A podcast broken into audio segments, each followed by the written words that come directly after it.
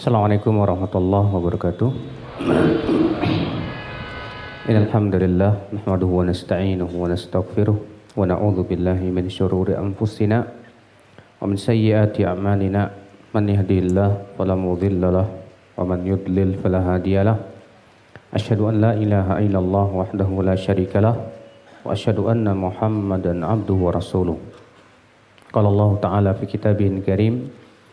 Ya ayyuhalladzina amanu taqullaha haqqa tuqatih wa la tamutunna illa wa antum muslimun amma ba'd.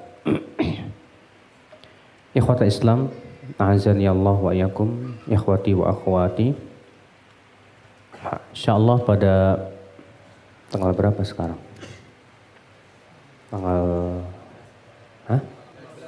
12 11 15 Syawal ya 15 Syawal kita akan membahas dan memulai pembahasan kitab Syarhus Sunnah Al-Imam Al-Barbahari. Sebelum kita membahas kitab Syarhus Sunnah, kita akan berkenalan dulu dengan siapa Imam, Imam Al-Barbahari.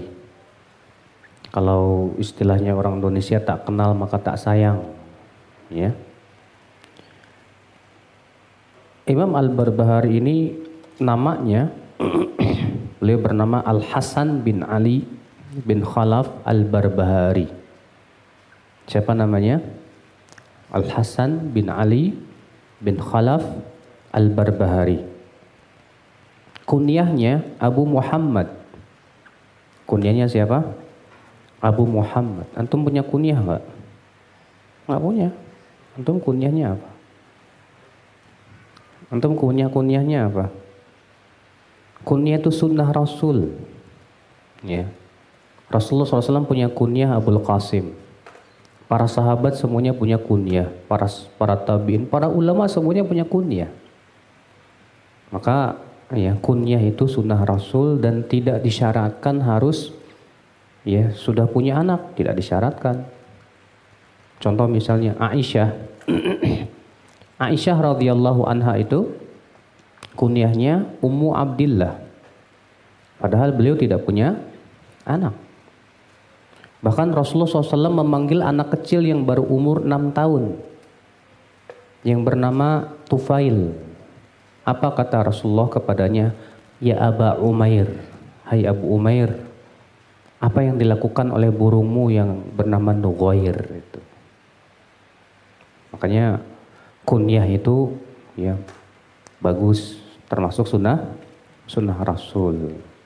Nah coba antum punya kunyah. Kunyah itu artinya pakai abu atau ibnu. ya kalau saya punya dua kunyah Abu Yahya sama Ibnu Bakri. Ya. Yang pernah dengar kajian di Darbanian tuh Ibnu Bakri ya saya juga. Ya Abu Abu Yahya itu kunyah saya juga. Tapi saya punya tidak punya anak namanya Yahya. Kenapa? Karena tidak syarat harus sesuai dengan nama anak. Seperti Umar bin Khattab, kunyahnya siapa? Abu Hafs. Tapi beliau nggak punya anak namanya Hafs. Nah itu, ya. Antum mau kunyah apa? Abu Abu Gosok. Oh jangan. Jangan Abu Gosok jelek. ya. Nah kunyah beliau ini Abu Muhammad. Dan ingat ya, yang punya nama Muhammad, yang punya nama Muhammad, jangan kunyahnya Abul Qasim. Artinya kalau antum punya nama Abul kunyahnya Abul Qasim tapi namanya jangan Muhammad. Kalau namanya Muhammad, namanya jangan Abul, kunyahnya jangan Abul Qasim karena Nabi tidak menganjurkan itu. Ya. Beliau lahir pada tahun 253 Hijriah. Beliau lahir pada tahun berapa? 253 Hijriah. Tahun berapa tahun yang lalu itu, Mas? Sekarang 1438. Sementara beliau lahir 253 Hijriyah. Di masa kekhilafahan Al-Mu'taz billah Muhammad bin Al-Khalifah Al-Mutawakil Allah Ja'far bin Al-Mu'tasim Billah Al-Abbasi. Itu khilafah Abbasiyah. Ya. Dan beliau lahir di sebuah keluarga yang masya Allah religi sekali. Berkat didikan kedua orang tuanya, beliau menjadi ulama besar. Ya. Beliau berguru, siapa guru-gurunya? Di antara guru beliau adalah Al-Imam Ahmad bin Muhammad bin Al-Hajjaj Abu Bakar Al-Marudhi. Pernah dengar ulama ini? Nggak pernah ya? Aduh, ya kita ini jarang mendengar nama ulama, Pak. Tapi kalau Ruth Gullit, wah kenal banget dah. Muhammad Van Basten, eh Muhammad Van Basten. Marco Van Basten, wah udah paham banget dah. Ya. Abu Bakar Al-Marudhi ini murid Imam Ahmad bin Hambal. Di antara guru beliau adalah Sahal bin Abdullah bin Yunus At-Tasturi. Juga termasuk salah satu sahabat Imam Ahmad bin Hambal. Di antara guru beliau adalah Imam Ahmad bin Hambal sendiri. Jadi Imam Ahmad itu gurunya Imam Al-Barbahari, bayangkan. Ya, berarti Imam Al-Barbahari semasa dengan ulama siapa? Dengan Imam Ah, Imam Imam Bukhari. Imam tapi Imam Bukhari jauh lebih tua daripada Imam Al-Barbahari. Imam Al-Barbahari beliau terkenal sangat kuat berpegang kepada sunnah Rasul SAW. Dan pengaruh beliau di masanya itu luar biasa dahsyat. Sampai-sampai beliau itu pengikutnya ribuan, ratusan ribu. Sampai-sampai penguasa di zaman itu takut sama Imam Al-Barbahari. Kenapa? Karena kewibawaan beliau dan pengaruhnya yang sangat luar biasa. Tapi ya, rupanya orang-orang ahli bid'ah yang gak suka sama Imam Al-Barbahari ini ya, berusaha membuat makar supaya Imam Al-Barbahari ini ditangkap oleh penguasa. Dan ternyata berhasil orang-orang ahli bid'ah ini membuat makar sehingga akhirnya Imam Barbahari jadi buron. Padahal beliau tidak salah. Dicari-cari yang akhirnya beliau melarikan diri dan beliau bersembunyi di sebuah rumah. Di situlah beliau meninggal dunia. Iya. Al-Imam Al-Barbahari terkenal orang yang sangat alim, yang sangat zuhud, yang sangat wara. Pujian-pujian para ulama tentang Imam Al-Barbahari pun juga luar biasa sekali, ikhwata Islam. Ya. Imam Al-Barbahari rahimahullah wafat pada tahun ya 323 Hijriah. Ada yang mengatakan 300 27. Ada yang mengatakan 329. Semoga Allah mengampuni dosa beliau dan mengangkat derajatnya. Inilah Imam Al-Barbahari sekilas tentang siapa beliau. Jadi beliau itu semasa dengan Imam Ah, murid daripada Imam Ahmad bin Hambal. Semasa dengan Imam Bukhari. Nah, di sini beliau menulis keyakinan ahlu sunnah wal jamaah.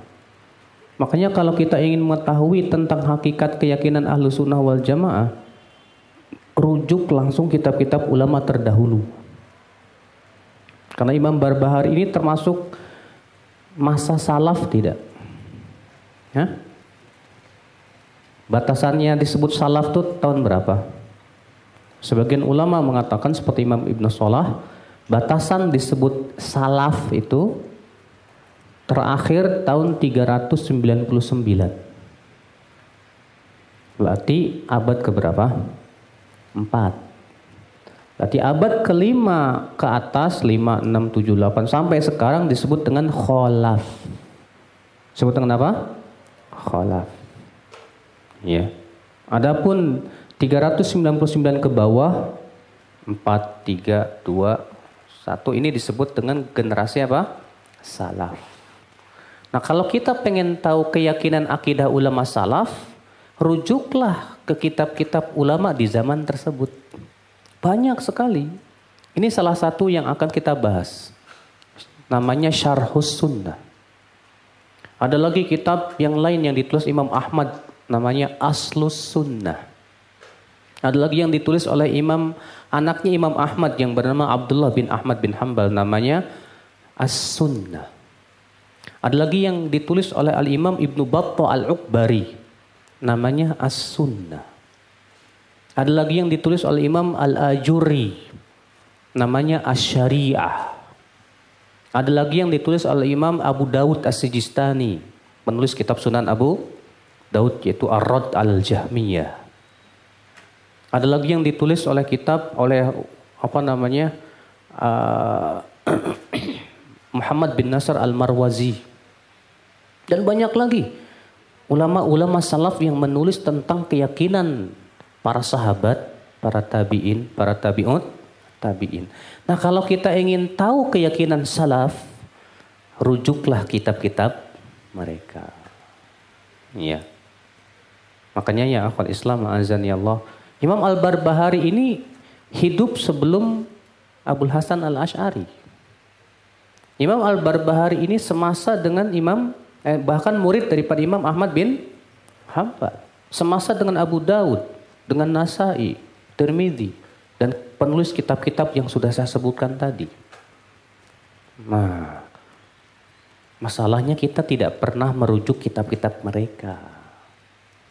Makanya penting ya, saya sengaja ingin membahas buku ini supaya kita langsung melihat bagaimana sih akidah salaf, akidah alusunah wal jamaah di masa salaf terdahulu.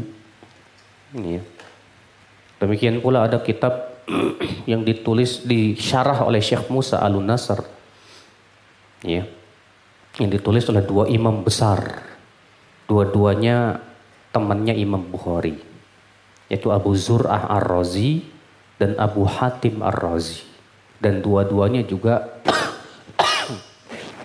dua-duanya juga muridnya Imam Ahmad bin Hambal.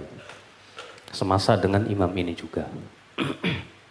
ya. Nah, kalau kita baca buku mereka satu-satu, nggak ada bedanya akidah mereka, Pak. Satu. Ka'annahum ala watiratin wahidah. Seakan-akan mereka di atas satu jalan. Tidak ada bedanya sama sekali. Makanya penting, akhi. Siapa pun yang ingin mengatakan, saya ingin sangat saya ingin ikut akidah salaf. Maka pelajarilah kitab-kitab mereka. Dari situ kita tahu bagaimana akidah mereka. Iya. Baik. Saya akan merujuk kitab syarah daripada kitab Syarhus Sunnah ini adalah syarah Syekh Soleh Fauzan. Dalam kitab beliau yang berjudul Ithaful Qari Bita'liqati ala Syarhis Sunnah. Di mana Syekh Soleh Fauzan akan mensyarah ya buku daripada Al-Imam Al-Barbahari ini dan saya akan membacakan juga insya Allah syarah-syarahnya yang Masya Allah bagus sekali ya, terhadap kitab ini. Baik, Al-Imam Al-Barbahari membuka kitabnya dengan sebuah muqaddimah. Beliau berkata, Alhamdulillah, alladhi hadana lil Islam. Segala puji bagi Allah yang telah memberikan kita hidayah kepada Islam Beliau di sini memulai kitabnya dengan pujian. Alhamdulillah. Kenapa? Kata Syekh Soleh Fauzan, Fabada'a bilhamdulillah amalan bis sunnah. Beliau memulai ucapan dengan Alhamdulillah karena mengamalkan sunnah Rasul. Di mana Rasulullah SAW ya, di dalam khutbah-khutbahnya, pembicaraan-pembicaraannya, selalu membuka dengan ucapan alham alhamdulillah. Ya, makanya kalau antum nih lagi rapat terus antum suruh bicara, jangan lupa untuk memuji Allah dulu. Antum mau ya ngomong di sebuah perkumpulan di mana pun juga hendaknya kita buka dengan ucapan apa? Alhamdulillah. Dan yang Rasulullah SAW sering ucapkan ini Pak. Innal hamdalillah nahmaduhu wa nasta'inuhu wa nastaghfiruhu wa na'udzu billahi min syururi anfusina wa min sayyiati a'malina.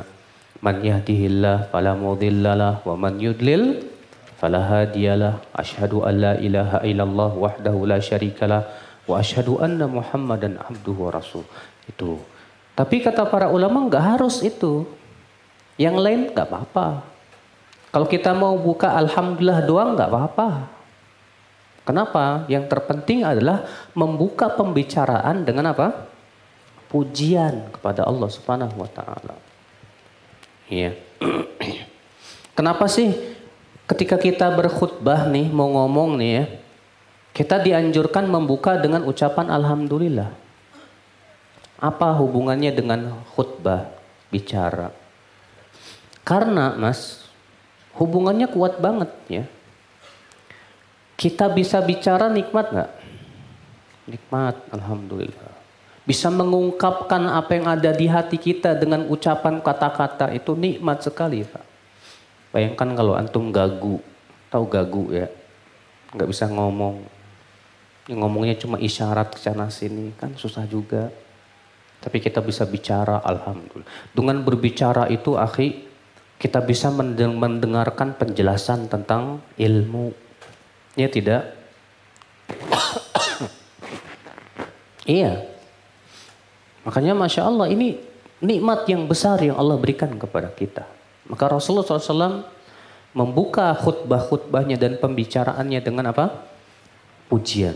Alhamdulillah. Segala puji bagi Allah. Artinya apa Alhamdulillah itu mas? Segala puji bagi Allah. Seakan-akan kita katakan ya Allah, semua pujian itu bagi Engkau ya Allah.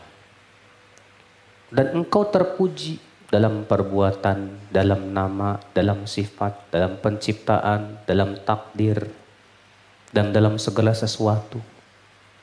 Allah memberikan kepada kita sakit, terpuji Allah. Terpuji enggak? Hah? Kok terpuji? Antum dikasih sakit terpuji Allah. Ya terpuji dong. Kok terpujinya gimana? Dengan sakit itu Allah gugurkan dosa-dosa kita. Dengan sakit itu Allah angkat derajat kita.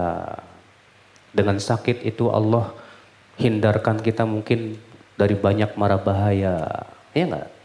Kita enggak tahu loh. Apa hikmah-hikmah Allah di balik sakitnya kita ya enggak? Iya. Ya. Ya Afan lagi batuk-batuk, baru pulang dari Medan kemarin. Jadi mohon maaf ya kalau diselingi oleh suara batuk. Alhamdulillah, segala puji bagi Allah. Cuma masalahnya kita selalu memuji Allah enggak di setiap keadaan. Kita seringnya memuji Allah ketika nikmat doang mas. Dikasih duit, Alhamdulillah dikasih istri cantik, alhamdulillah. Dikasih mobil, alhamdulillah. Pas dikasih oleh Allah ujian, seringnya nggak muji Allah. Bahkan banyak orang ketika dikasih ujian seringnya marah-marah sama Allah. Ya Allah, apa salah saya sih? Saya kan udah beribadah, saya kan udah menjauhi larangan, kok tetap masih dikasih ujian? Masya Allah. Jadi seakan-akan kita beribadah itu supaya tidak diuji. Salah. Ya. Setiap orang yang mengatakan saya beriman pasti diuji sama Allah. Pak. Buka tuh surat apa? Al-Ankabut. Ayat 1 Allah mengatakan alif lam mim ahasiban nas ayyutraku ayyakulu amanna. Apakah manusia mengira akan dibiarkan berkata kami beriman sementara ia tidak diuji? Tidak mungkin. Semua orang pasti diuji. Setiap orang yang berkata saya beriman pasti diuji. Diuji dengan apa? Dengan perintah, dengan larangan, dengan musibah. Itu semua ujian. Ya. Alhamdulillah. Sebutkan dalam red muslim Rasulullah SAW apabila ditimpa kesenangan beliau mengucapkan Alhamdulillahilladzi tatimu bihis salihat. Segala puji bagi Allah yang sempurna dengannya amalan saleh. Dan Rasulullah kalau ditimpa kesusahan, beliau di, di, mengucapkan apa? Alhamdulillah ala kulli hal. Segala puji bagi Allah pada setiap keadaan. Tuh. Jadi kita itu dianjurkan memuji Allah susah maupun senang. Senang puji Allah, susah pun puji Allah. Kenapa? Karena kesusahan itu hakikatnya nikmat bagi seorang mukmin. Ya. Dengan kesusahan itu seseorang jadi tahu diri loh, Mas.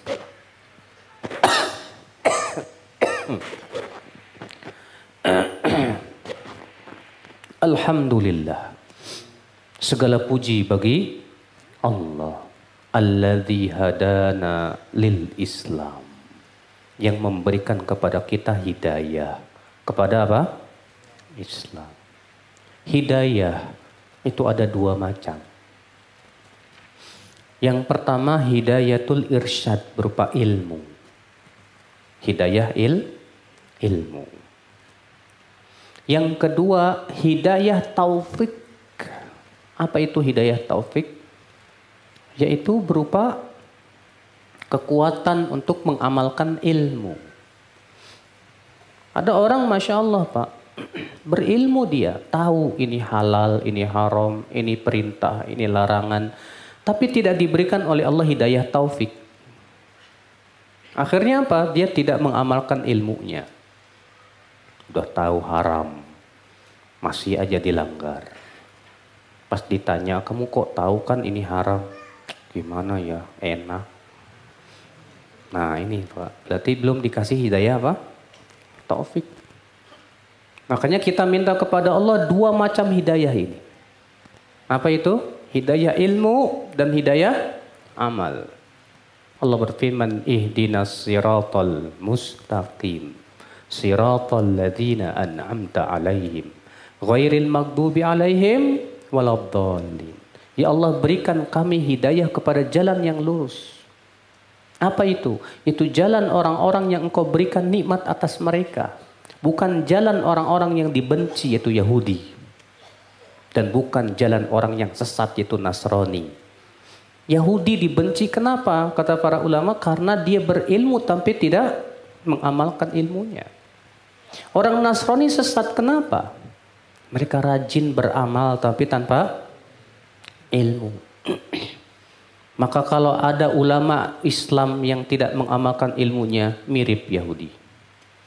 Kalau ada orang rajin, rajin ibadah tapi tanpa il, ilmu dan dalil, maka dia mirip Nasrani. Laki jalan yang lurus itu apa? Nah, ilmu dan amal. Inilah yang kita minta setiap harinya berapa kali? Hah? 17. Berarti antum cuma sholat wajib doang itu. Enggak ada sholat sunnah. iya. 17 kali sholat wajib ditambah sholat sunnah. Setiap hari kita ucapkan ihdinas siraton mustaqim, ihdinas siraton mustaqim. Penting. Ya, kata beliau, Alhamdulillahilladzi hadana lil Islam. Segala puji bagi Allah yang telah memberikan hidayah kita kepada apa? Islam nikmat yang paling besar yang Allah berikan kepada seorang hamba adalah nikmat Islam. Ya. Kenapa? Karena agama yang Allah ridhai hanyalah Islam.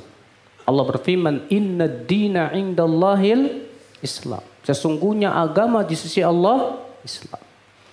Para nabi semua Islam. Para rasul semuanya Islam. Ini dia Nabi Nuh ya Nabi uh, Nabi Ibrahim, Nabi Musa, semuanya mengatakan aslam tulillah. Aku Islam kepada Allah. Ini merapat katanya ya, bisa merapat lagi enggak? Dirapatkan lagi, dirapatkan Terutama lagi. yang di belakang, Aki, bisa agak maju ke depan.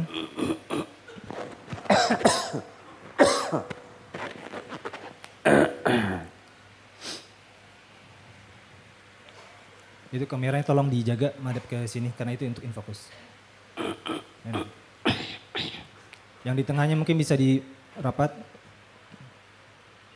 Begitu juga yang di depannya bisa masuk agak ke depan lagi. Silakan merapat. Alhamdulillahilladzi hadana Islam. Segala puji bagi Allah yang telah memberikan kita hidayah kepada Islam. Karena Allah tidak akan menerima agama kecuali Islam. Allah Ta'ala berfirman, may yabtaghi ghairal islami dinan yuqbala min.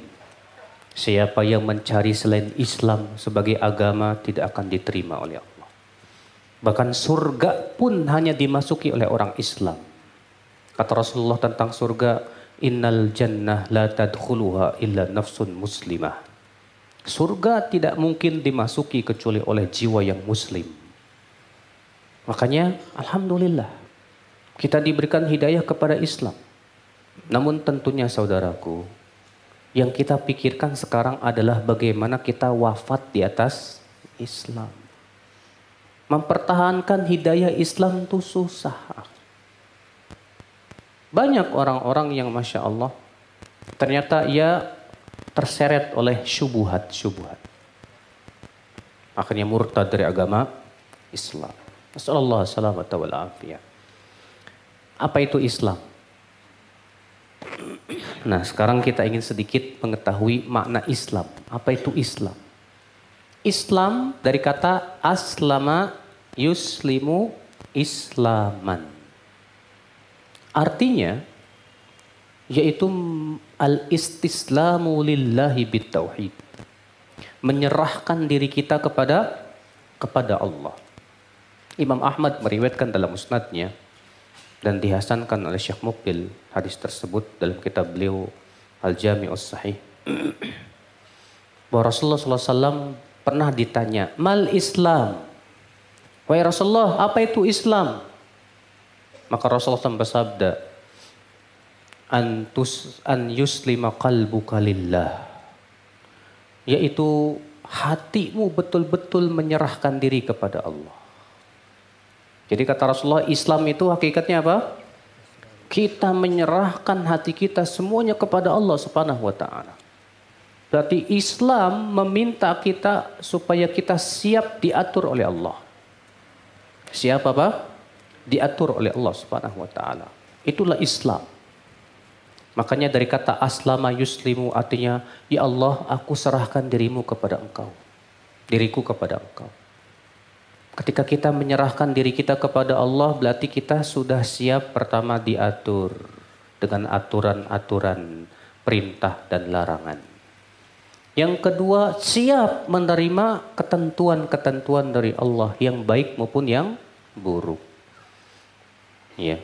Sehingga orang yang Islam kepada Allah itu, Pak, moto dia apa? Sami'na wa ata'na.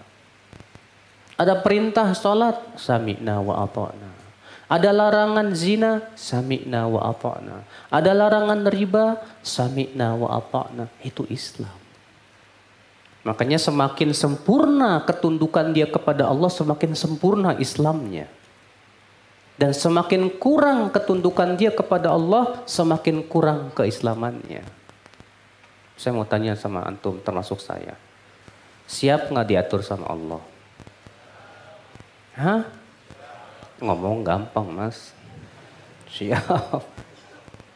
Ketika aturan Allah nggak sesuai dengan hawa nafsu gimana? Sering kali kan, waduh gimana ya. Banyak orang ya akhi untuk menaati Allah, untuk siap diatur oleh Allah ini ternyata harus berantem dulu sama hawa nafsunya ini. Kenapa? Karena hawa nafsu itu selalu menyeret kepada apa? Keburukan, kepada kemaksiatan. Ya, harus ya oleh Islam.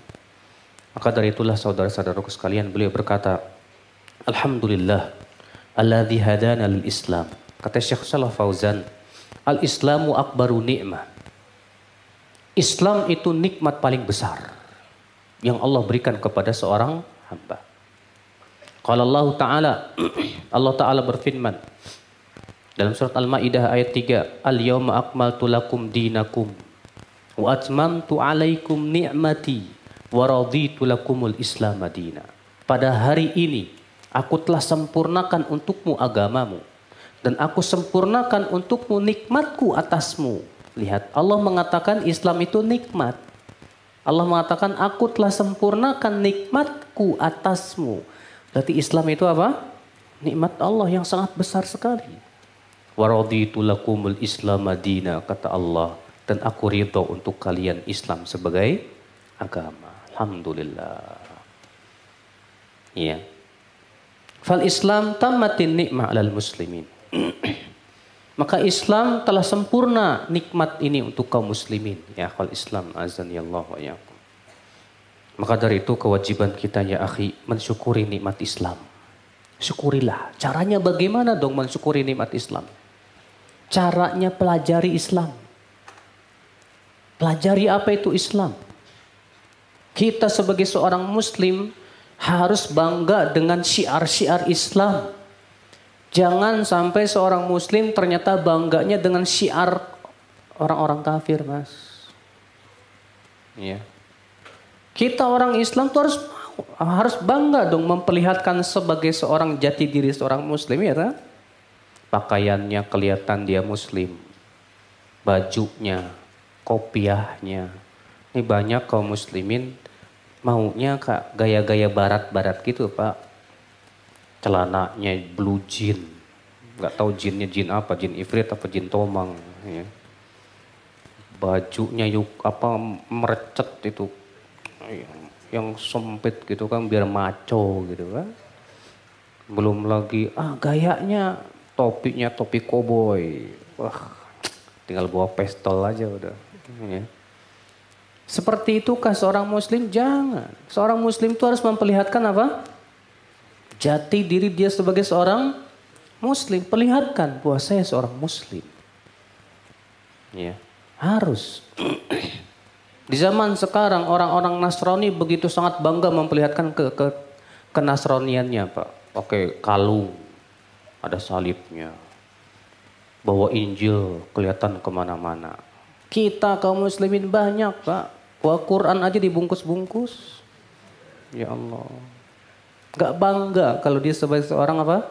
Malu dia. Jangan malu. Karena konsekuensi ketika kita mensyukuri nikmat Islam ini, maka kita harus memperlihatkan kenikmat itu kepada manu, manusia. Allah berfirman, "Wa amma bi nikmati rabbika fahaddits." Adapun dengan nikmat Rabbmu ceritakan kepada orang. Perlihatkan akan nikmat yang Allah berikan kepada kita itu.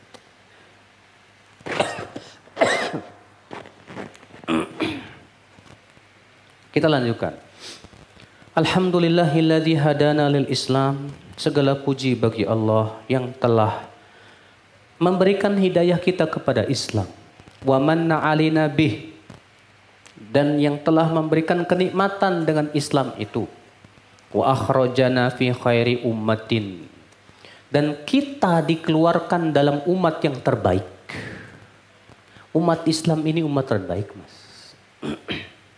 Apa sih keistimewaan umat Islam? Banyak. Keistimewaan pertama. Umat Islam ini umat akhir zaman. Tapi di hari kiamat yang paling pertama. Pertama kali dihisap dan pertama kali masuk surga. Umat Islam. Keistimewaan yang kedua apa Pak?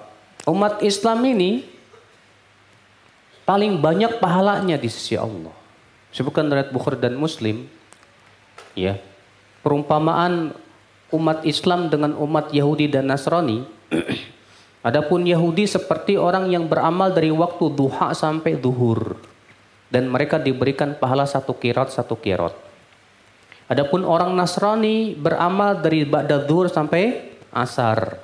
Dan mereka diberikan pahala satu kirot, satu kirot kata Rasulullah umat Islam ini seperti orang yang beramal dari asar sampai maghrib dan mereka diberikan pahala dua kirat dua kirat. Makanya pahala umat Islam lebih lebih banyak. Masya Allah. Apalagi keistimewaan umat Islam. Umat Islam tidak akan pernah bersepakat di atas kesesatan. Berbeda dengan umat selain Islam. Jaminan langsung dari Rasulullah SAW. Rasulullah bersabda, lan tajtami'a ummati ala dolalah tidak mungkin umatku ini ber, bersepakat di atas apa? Kesesatan. Bayangkan, Masya Allah. Berarti umat Islam itu tidak akan pernah bersepakat di atas kesesatan. Beda dengan umat selain Islam, Pak. Apalagi keistimewaan umat Islam. Umat Islam ini Pak, di setiap awal 100 tahun selalu akan ada orang-orang yang memurnikan lagi agama Islam. Demikian Rasulullah mengabarkan dalam hadis riwayat Muslim. Apalagi keistimewaan umat Islam, Pak. Umat Islam ini, Pak, akan ada pada mereka 70 ribu orang yang masuk surga tanpa hisab dan adab. Dan dalam riwayat Imam Ahmad, Rasulullah minta ditambah, ditambah. Satu orangnya bawa 70 ribu lagi. Berarti 70 ribu kali 70 ribu berapa? Ini yang tidur nih. Eh, kamu tidur kan? Hah?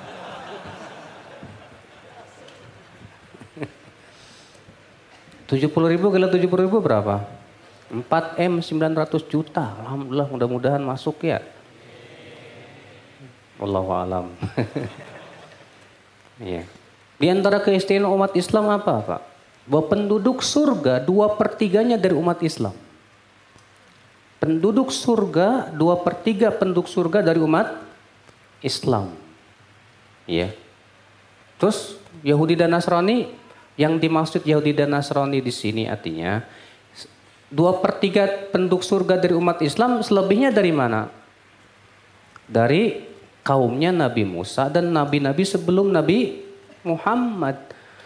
Adapun setelah Rasulullah diutus, maka semua kita baik yang musliminnya, yang kafirinnya termasuk umat Nabi Muhammad. Dan umat Nabi Muhammad ada dua. Umat dakwah dan umat ijabah. Umat dakwah itu artinya umat yang tidak beriman kepada Nabi Muhammad. Sedangkan umat ijabah itu artinya imat umat yang beriman kepada Nabi Muhammad. Dalil yang menunjukkan bahwa orang Yahudi dan Nasrani di zaman ini disebut umat Nabi Muhammad. Hadis Muslim. Kata Rasulullah SAW, La yasma'u bi ahadun min hadhil ummah. Yahudiyun wala Nasraniyun. Thumma lam yu'min bima jitu bihi illa kana min ashabin nar. Tidak ada seorang pun dari umat ini. Coba Rasulullah mengatakan apa? Tidak ada seorang dari umat ini. Baik Yahudi maupun Nasrani. Yang mendengar tentang ajaranku. Kemudian tidak beriman kepadaku. Kecuali pasti masuk neraka. Lihat Rasulullah mengatakan umat ini. Berarti seluruh umat setelah Nabi Muhammad disebut umat Nabi Muhammad. Tapi ada yang muslim, ada yang kafir. Yang kafir masuk neraka. Paham tidak mas? Jadi kalau saya katakan dua per tiga penduduk surga itu dari umat Islam maksudnya apa? Berarti selebihnya siapa? Maksudnya umat-umat para nabi sebelum Nabi Muhammad yang beriman kepada nabinya. Tuh lihat keistimewaan umat Islam kan luar biasa kan. Alhamdulillah. Nikmat tidak? Nikmat. Ya. Syariat Islam itu syariat yang paling mudah mas. Dibandingkan dengan syariat-syariat sebelum kita. Di zaman Nabi Musa, orang yang melakukan kesyirikan, taubatnya dengan cara bunuh diri. Itu dalam surat eh, surat Al-Baqarah disebutkan itu. Di zaman Nabi Musa, orang yang bajunya kena najis, nggak cukup hanya dicuci, harus digunting. Zaman Nabi Muhammad, eh, orang yang berbuat syirik cukup taubat. Iya, bersyahadat lagi masuk Islam.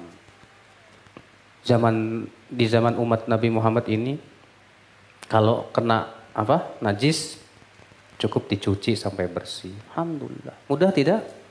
Mudah. Makanya subhanallah saudara-saudaraku sekalian, umat Islam ini sebaik-baiknya umat.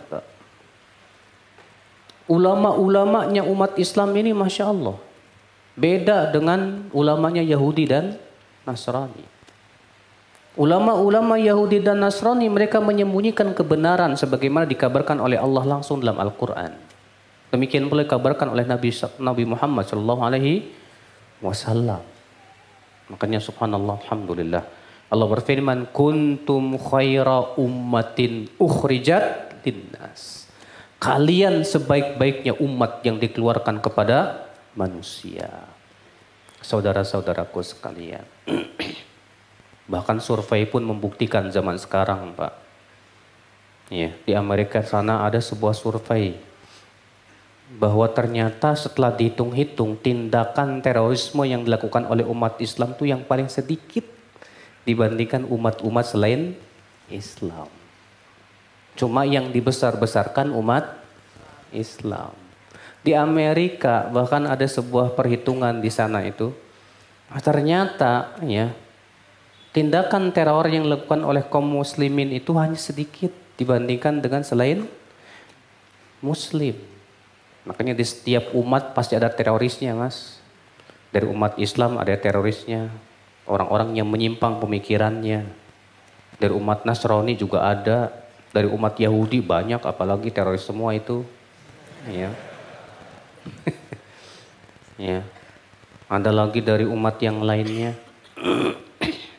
Maka dari itulah ya akhwal Islam, memang umat Islam ini sebaik-baiknya umat ya akhwal Islam.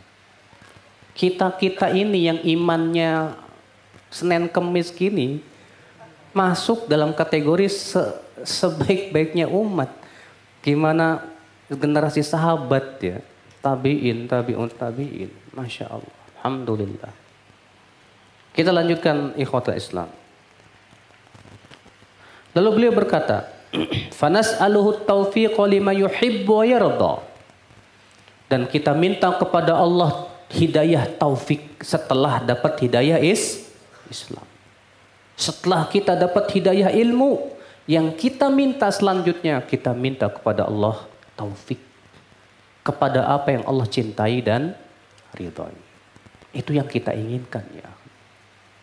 Banyak orang tidak diberikan taufik tidak peduli dengan ridho Allah atau tidak. Orang yang diberikan taufik oleh Allah, Pak, dalam setiap aktivitas dan perbuatan dia yang selalu dia tanyakan diridhoi oleh Allah atau tidak. Mau ngetik di WhatsApp, nanya dulu nih, kira-kira ucapan saya diridhoi oleh Allah apa enggak ya? Mau share berita, dihisap dulu, kira-kira ini share saya diridhoi oleh Allah apa enggak ya? Mau pakai baju, kira-kira baju ini diridhoi oleh Allah atau tidak ya? Penting akhir seperti itu. Ya. Kalau kita ternyata sebelum melakukan perbuatan apa pun ternyata yang kita pikirkan ridho Allah subhanallah. Berarti ini orang-orang yang diberikan taufik oleh Allah subhanahu wa ta'ala. Maka beliau berkata, Fanas'aluhu taufiqa lima yuhibbu wa. Kata Syekh Fauzan menjelaskan perkataan Imam Al-Barbahari ini. Kata beliau, al-insan yas'alullah thabat. Seorang manusia hendaklah selalu minta kepada Allah ketegaran di atas hidayah. Walau kana ya'riful haq wa ya'mala bih wa ya'taqidu fala ya'man an yaziku an yuftan. Walaupun dia telah mengenal kebenaran, Walaupun dia sudah melaksanakan kebenaran, bahkan dia punya keyakinan tentang kebenaran, jangan sampai dia merasa aman, dia tidak akan sesat.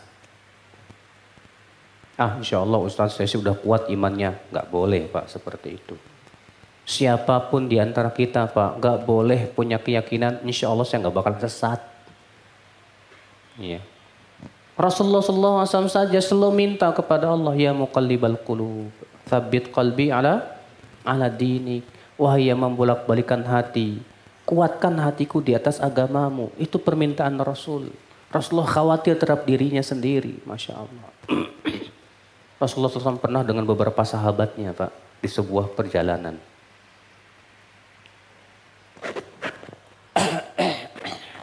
Kemudian Rasulullah SAW bersabda. Coba hitung. Ada berapa orang bersama kita. Apa kata para sahabat? Hai Rasulullah, apakah engkau mengkhawatirkan kami? Sementara jumlah kita cukup banyak segini. Ya. Kata Rasulullah, kalian tidak tahu apa yang akan menimpa. Kata sahabat itu benar. Sungguh, sepeninggal Rasulullah wafat, ya, Sampai-sampai di antara kami ada yang tidak berani untuk sholat keluar ke masjid. Saking takutnya. Makanya kita nggak, jangan merasa pede. Ah insya Allah saya nggak bakalan tersat. Nggak boleh mas. Iya. Minta terus kepada Allah apa? Kekuatan, istiqomah. Sepintar kalian, sehebat apa pun kalian, kita tetap tidak merasa aman untuk disesatkan oleh oleh Allah Subhanahu wa taala. Taib ikhwatul Islam. Sekarang kita masuk pada perkataan beliau. I'lamu annal islama huwa sunnah. Was sunnatu hiyal islam. Wala yakumu ahaduma illa bil akhar. Ketahuilah, kata Imam Al-Barbahari, sesungguhnya Islam adalah sunnah. Dan sunnah itu adalah is Islam. Perhatikan kaidah ini. Sunnah sama dengan Islam. Islam sama dengan sunnah. Tak mungkin kita disebut Islam kalau kita tidak sunnah. Sekarang sunnah itu apa sih? Jangan dipahami sunnah itu kalau dilakukan dapat pahala, kalau ditinggalkan nggak dapat dosa ya. Yang dimaksud dengan sunnah di sini artinya semua ajaran Rasul. Semua yang Rasul ajarkan itu sebut apa? Sunnah. Cuman di Indonesia ini banyak pemahamannya sangat sempit sekali terhadap sunnah. Kalau mendengar kata sunnah, oh nggak dilakukan juga nggak apa-apa. Salah. Ya. Itu sunnah menurut ilmu fikih. Kalau kita sedang berbicara tentang fikih, betul. Sunnah itu maksudnya itu. Tapi kalau kita sedang berbicara tentang akidah, maka pahamilah sunnah menurut ilmu akidah. Ya. Kata beliau, ketahuilah bahwasanya Islam itu adalah sunnah. Dan sunnah itu adalah apa? Islam. Kata Syekh Saleh Fauzan, yakni Al-Islam huwa tariqatu lati ja'a biha rusul alaihi wassalam. Wa kullu rusul ja'u bil Islam. Wa kullu nabiyyin da'a ila Allah wa ja'a bi syari'atin min indillah. Fadzalika huwal Islam. Artinya kata beliau, Islam itu adalah jalan yang dilalui oleh para nabi dan rasul seluruhnya. Ya. Semua rasul datang membawa agama Islam. Semua rasul berdakwah kepada tauhidullah. Namun syariat mereka berbeda, berbeda-beda dan itulah yang disebut dengan is Islam hakikatnya adalah ibadah kepada Allah Subhanahu wa taala saja. Sesuai dengan syariat Rasulullah sallallahu alaihi wasallam. Iya. Maka dari itu ya akhwat Islam, mungkinkah dikatakan Islam berasal dari selain Nabi Muhammad? Hah? Islam setelah Rasulullah ada nih, mungkin Islam diambil dari selain Nabi Muhammad? Hah? Makanya. Kan aneh Pak kalau ada orang mengatakan Islam kita itu beda dengan Islam Arab. Nah, situ Islamnya apa? Ya berarti bukan Islam namanya Pak. Tapi kalau dia jawab Islam, ya nabinya Nabi Muhammad. Nabi Muhammad syariatnya beda-beda toh. Tidak. Akidahnya sama. Yang Rasulullah ajarkan kepada para sahabat Nabi Shallallahu Alaihi wasallam. Nabi Muhammad mengajarkan tentang tauhid, tentang akidah. Al-Quran dan hadis ada pada kita. Itulah Islam. Maka orang yang beragama ingin mencari Islam melalui jalan selain jalan Rasulullah, hakikatnya bukan Islam. Maka Islam harus diambil dari Rasul. Paham? Islam diambil harus diambil dari siapa? Rasul. Makanya Islam mewajibkan kita untuk mengikuti Rasul. Dan Islam mewajibkan kita untuk mendahulukan Rasul dari segala siapa pun juga. Allah berfirman, Ya ayuhalladzina amanu, La tuqaddimu baina yadayillahi wa rasuli. Hai orang-orang yang beriman, jangan kamu mendahului Allah dan Rasulnya. Demikian Allah berfirman dalam surat Al-Hujurat ayat ayat 1. Makanya akhwat Islam, semua ulama sepakat kalimat mereka. untuk lebih mendahulukan Rasul dari pendapat siapa pun juga. Baik dari pendapat kiai ataupun yang yang lainnya.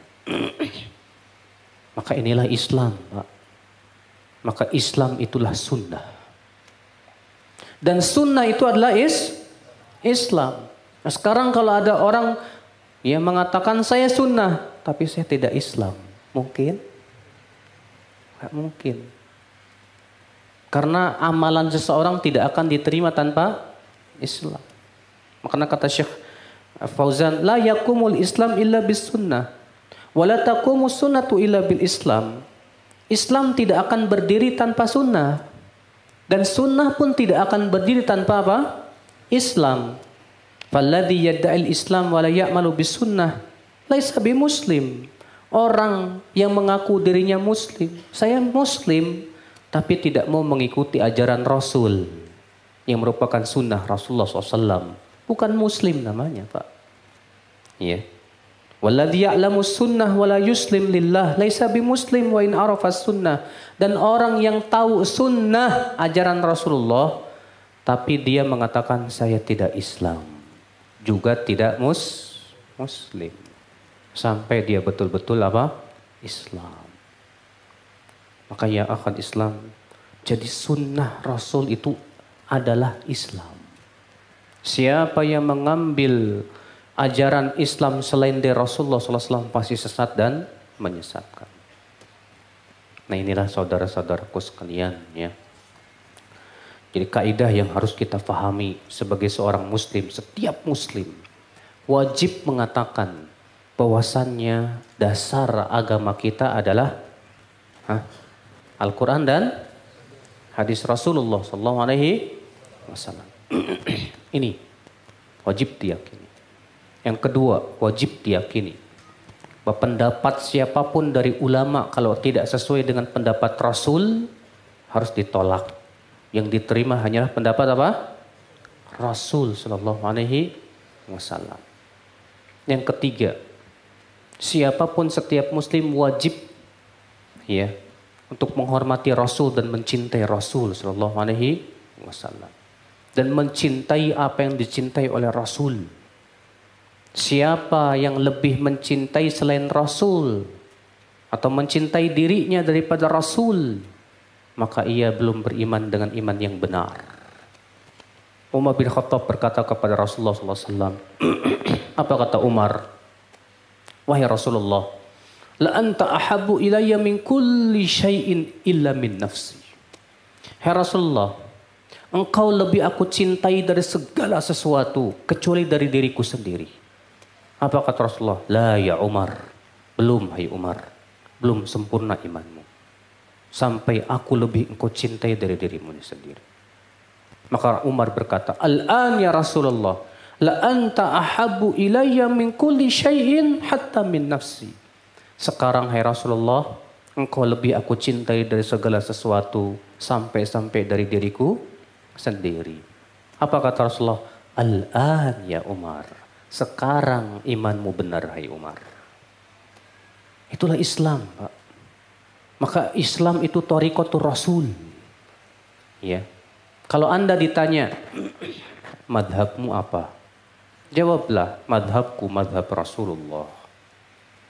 Sebagaimana Ibnu Abbas pernah ditanya. Hai Ibnu Abbas, kamu ini ala millati Ali au alu au millati Uthman kamu ini di atas milahnya Ali atau milah Uthman? Apa kata, kata Ibn Abbas? Ana ala millati Rasulillah. Aku di atas milah Rasulullah SAW. Masya Allah. Makanya kalau antum ditanya, kamu madhabnya apa? Jawab, madhab saya Rasulullah SAW. Alaihi Wasallam. Dan itulah madhab seluruh ulama. Hatta ulama empat madhab mewajibkan mengikuti Rasul. Ini dia Imam Syafi'i berkata, "Idza sahhal haditsu fahuwa madhhabi." Apabila hadis telah sahih, itulah madhabku.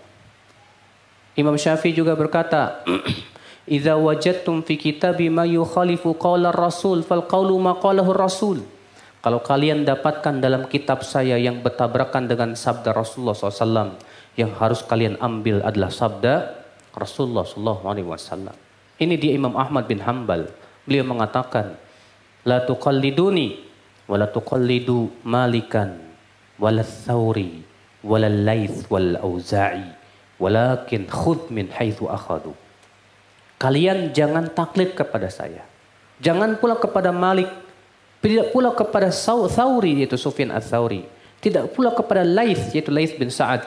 Tidak pula kepada Al-Auza'i. Tapi ambillah dari mana mereka mengambil. Itu dari Al-Quran dan hadis Rasul SAW. Ikhwata Islam. Ini. Ini kewajiban kita. Setiap muslim wajib mengatakan saya di atas milah Rasulullah sallallahu alaihi Fanatik dia hanya kepada apa? Rasulullah sallallahu alaihi wasallam Allah dan rasulnya. Adapun Anda fanatik kepada golongan, kepada madhab, kepada organisasi, bahaya ya akhi. Adakah ya akhi keyakinan alusunah wal jamaah mengatakan tidak ada di dunia ini yang maksum kecuali Rasul. Ulama manusia yang bisa salah. Kalau pendapat ulama tidak sesuai dengan pendapat Allah dan Rasulnya, wajib ambil pendapat Allah dan Rasulnya. Nah inilah Pak. Kalau ada orang yang lebih mengambil selain Rasul, sesat pasti Pak. Ada? Ada. Contoh, dalam dunia tasawuf, ya, mereka punya keyakinan wali itu nggak mungkin salah. Dalam dunia apa? Tasawuf mengatakan wali itu tidak mungkin salah. Bahkan orang-orang sufi yang ekstrim mengatakan wali itu lebih tinggi dari nabi dan rasul. Jadi wali tidak harus ikut syariat rasul. Makanya mereka punya keyakinan kalau orang sudah sampai kepada derajat wali, maka tidak perlu sholat lagi. Tidak perlu zakat lagi, tidak perlu puasa lagi. Semua larangan jadi boleh buat dia. Musibah kan mas? Iya. Ada tidak keyakinan seperti banyak Pak. Di negeri kita juga banyak seperti ini Pak. Orang sholat berkumandang adzan, orang pada pergi ke masjid, dia pulang ke rumah. Mas ditanya, kok kamu nggak pergi ke masjid? Apa kata dia? Beda makomnya mas. Kalau situ kan masih tingkat syariat, kalau saya sudah hakikat. Masya Allah. Bayangkan. Iya hakikat betul, tapi hakikat kufur. Iyalah. Kalau orang sudah mendeklarasikan lepas dari syariat, apalagi kalau kufur, Pak. Iya tidak? Iya. Nah inilah, Pak. Keyakinan ini yang bisa menyebabkan ketaatan kita kepada Rasul pasti hilang. Mu'tazilah punya keyakinan akal lebih tinggi dari apa? Wahyu. Menurut keyakinan Mu'tazilah, setiap pendapat Nah, setiap pendapat Allah dan Rasulnya kalau tidak sesuai dengan akal ditolak atau ditakwil. Seperti ini pun menyebabkan kita tidak bisa apa? Tunduk kepada Rasul Shallallahu Alaihi. Ada di zaman sekarang banyak pak. Tapi namanya bukan Mu'tazilah lagi, berubah nama. Ya. Nah ya akal Islam azani Allah wa yakum. Maka siapa saja yang mengambil selain Rasul pasti sesat jalannya. Banyak di masyarakat Pak lebih mendahulukan adat istiadat daripada syariat roh, Rasul. Ya kalau ditanya Nabi kamu Nabi Muhammad bukan? Oh iya Nabi saya Nabi Muhammad SAW. Tapi dalam aplikasinya ternyata apa? Adat itu hukum adat seakan-akan apa? Sama dengan syariat. Ya. Antum ngomong ke ibu, bu saya pengen nikah sesuai dengan syariat. Enggak, pokoknya harus ikut adat. Dimandikan kembang, ya disuruh nginjek telur, macem-macem, masya Allah. Sehingga akhirnya dianggap adat itu tidak boleh dilepas, walaupun tidak sesuai dengan apa? Syariat Rasul Shallallahu Alaihi Wasallam. Makanya akhi yakini ini Beliau mengatakan Islam itulah sunnah. Dan sunnah itulah Islam. Tidak mungkin berdiri salah satunya tanpa yang lainnya. Islam tanpa sunnah tidak mungkin. Sunnah tanpa Islam pun tidak tidak mungkin. Nah ini subhanallah saudara-saudaraku sekalian. ya. Namun tentunya ya akhi, dalam mengikuti Rasul Shallallahu Alaihi Wasallam, tetap kita melihat ya hal-hal yang telah dijelaskan oleh para ulama dari kalangan sahabat tabiin tabiut tabiin supaya kita tidak salah jalan dalam memahami hadis-hadis Rasulullah Sallallahu Alaihi Wasallam. Maka nanti beliau akan jelaskan hakikat daripada ya siapa yang berhak untuk dijadikan pijakan dalam memahami Islam. Beliau akan jelaskan.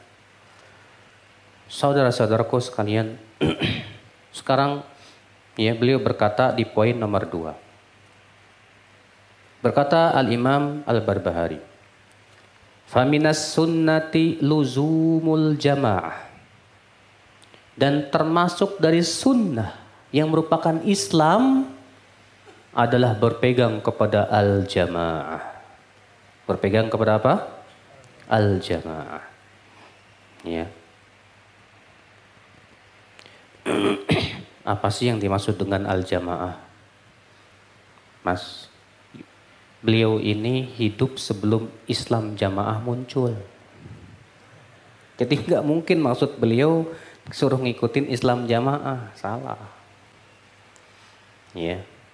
Yang kata kata beliau termasuk dari sunnah adalah berpegang kepada al jamaah. Rasulullah SAW ketika menyebutkan umat Islam akan berpecah belah menjadi 73 golongan dan 72 di neraka. Satu di mana? Di surga. Apa kata Rasulullah? Siapa yang di surga satu itu? Hum al-jamaah. Lalu Rasulullah ditanya lagi, siapa al-jamaah hai Rasulullah? Kata Rasulullah, ma ana alaihi wa ashabi. Yaitu yang aku dan para sahabatku di atasnya. Inilah al-jamaah, Pak. Iya. Kata Syekh Saleh Fauzan, al-muradu bil jama'ati huna jama'atul muslimina alladzina 'alal haqqi. Yang dimaksud dengan al-jamaah dalam dalam perkataan Ibnu Imam Al-Barbahari ini yaitu jamaah kaum muslimin yang berpegang kepada kebenaran. Ya. Karena sebetulnya Pak, para ulama dalam men, dalam mengungkapkan tentang makna jamaah ini ada ada lima pendapat. Pendapat yang pertama, makna al-jamaah itu adalah Rasulullah dan para sahabatnya. Dan sudah kita sebutkan dari dalilnya. Ya. Ini pendapat pertama bahwa makna al-jamaah itu adalah apa? Rasulullah dan para sahabatnya. Hadisnya tadi sudah saya sebutkan diriwayatkan oleh Imam Abu Daud, Al-Hakim dan yang lainnya. Pendapat yang kedua, yang dimaksud dengan al-jamaah itu artinya kebenaran. Dan ini yang ditafsirkan oleh Abdullah bin Mas'ud radhiyallahu anhu ardah. Di mana Ibnu Mas'ud berkata, al-jama'atu al-haq wa in kunta wahdak. Jamaah itu adalah kebenaran walaupun kamu satu orang. Walaupun kamu sendirian di atas al-jamaah, kamulah disebut dengan al-jamaah. Ini makna yang kedua. Makna yang ketiga, yang ketiga, al-jamaah itu artinya pemimpin kaum muslimin. Maka mereka disebut juga dengan al-jamaah. Contoh misalnya Imam At-Tirmidzi ketika membawakan hadis Nabi sallallahu alaihi wasallam, "As-saumu yauma tasumun wal fitru yauma tuftirun wal adha yauma tudahun." Puasa itu pada hari kalian semua berpuasa beridul fitri itu pada hari kalian ber, pada hari kalian semua beridul fitri. Beridul adha itu pada hari kalian semua beridul adha. Apa kata Imam At-Tirmidzi tentang hadis ini? Wa fassara ba'du ahli ilmi hadzal hadis. Sebagian ahli ilmu menafsirkan hadis ini. Apa kata mereka? Ai an-saum wal fitr ma'al jamaah. Yaitu artinya hendaklah berpuasa dan beridul fitri bersama al-jamaah. Bersama siapa? Al-Jamaah. Sampai jam berapa kita kajiannya? Tanya jawab?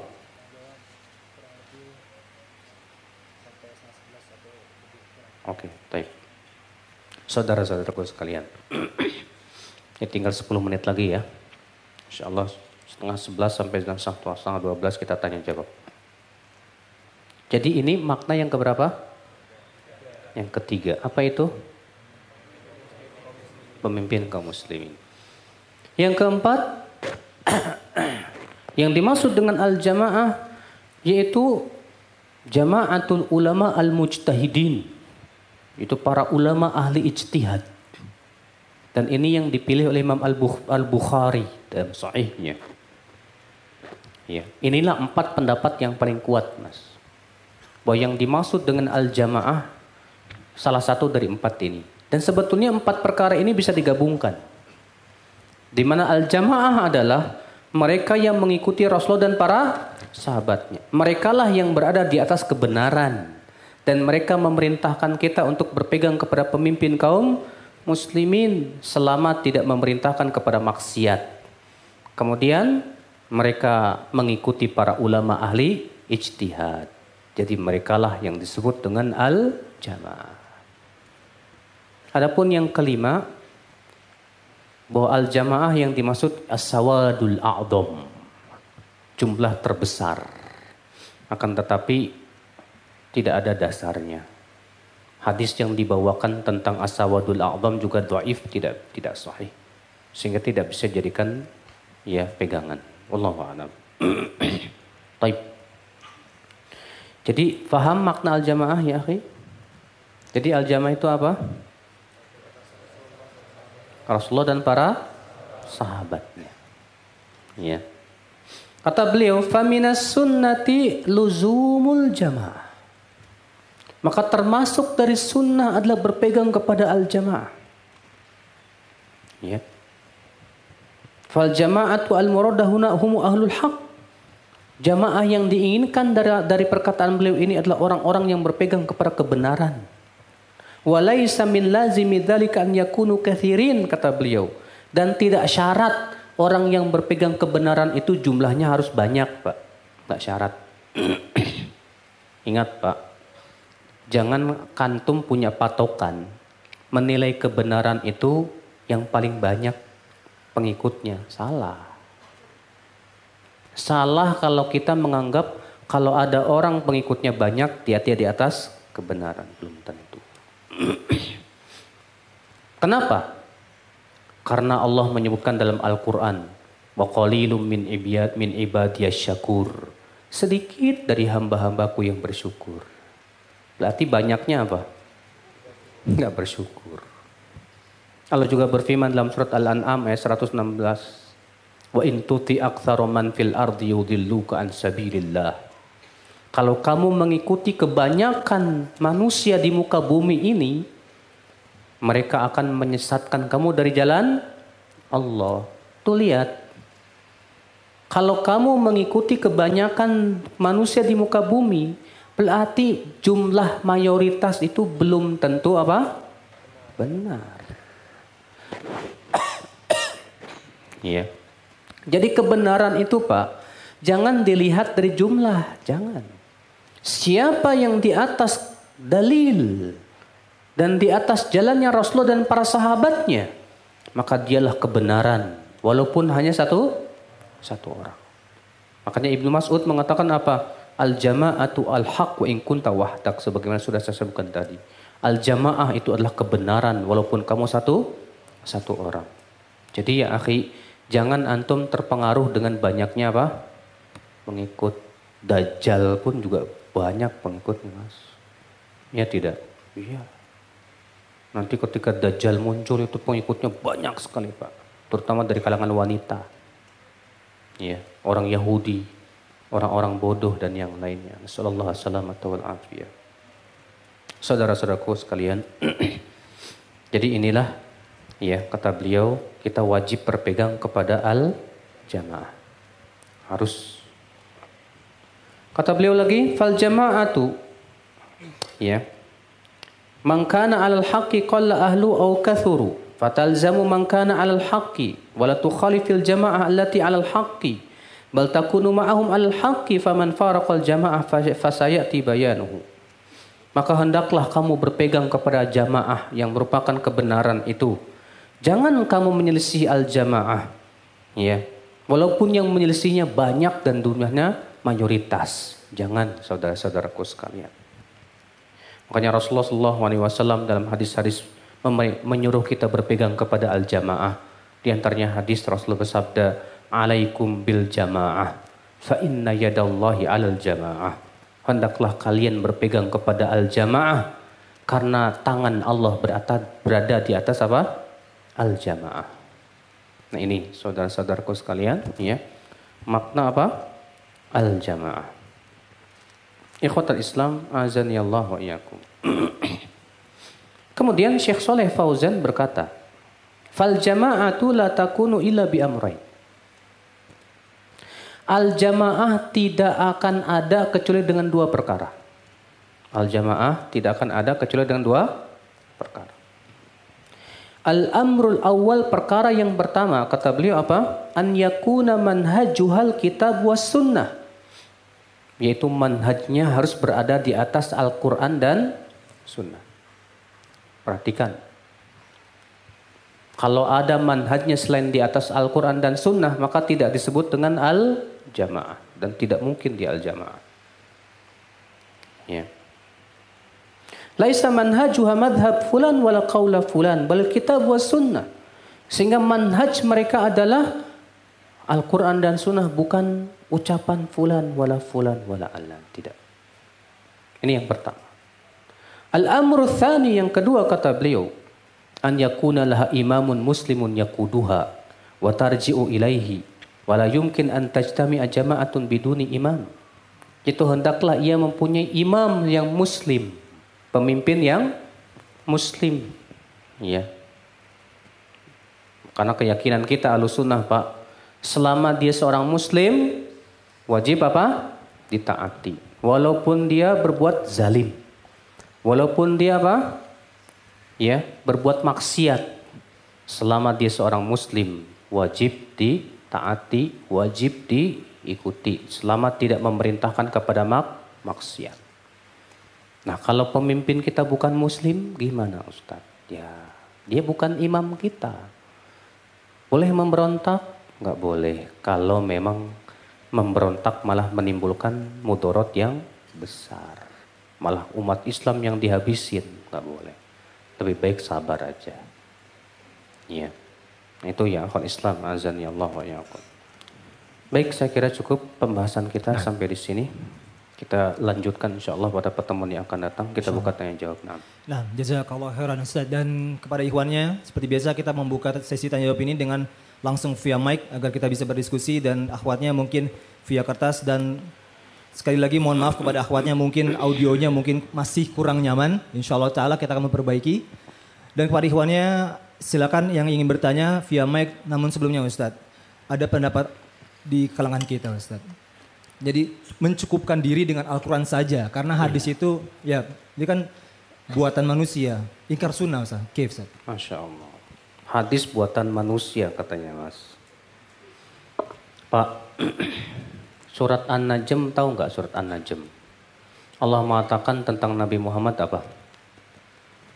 Wa ma yantiqu 'anil hawa in huwa illa wahyu yuha. Nabi Muhammad tidak pernah berbicara dari hawa nafsunya. Akan tetapi ia adalah wahyu yang Allah wahyukan kepadanya.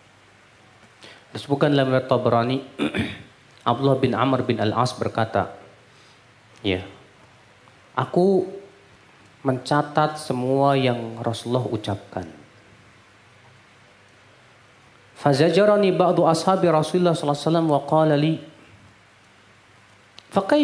taktub kulla ma qalahu Rasul wa huwa basharun yatakallam fil ridha wal ghadab Hai Abdullah Bagaimana kamu hendak mencatat semua yang diucapkan oleh Rasulullah wasallam sementara Beliau kan manusia biasa yang bisa berbicara ketika sedang marah maupun sedang ridho.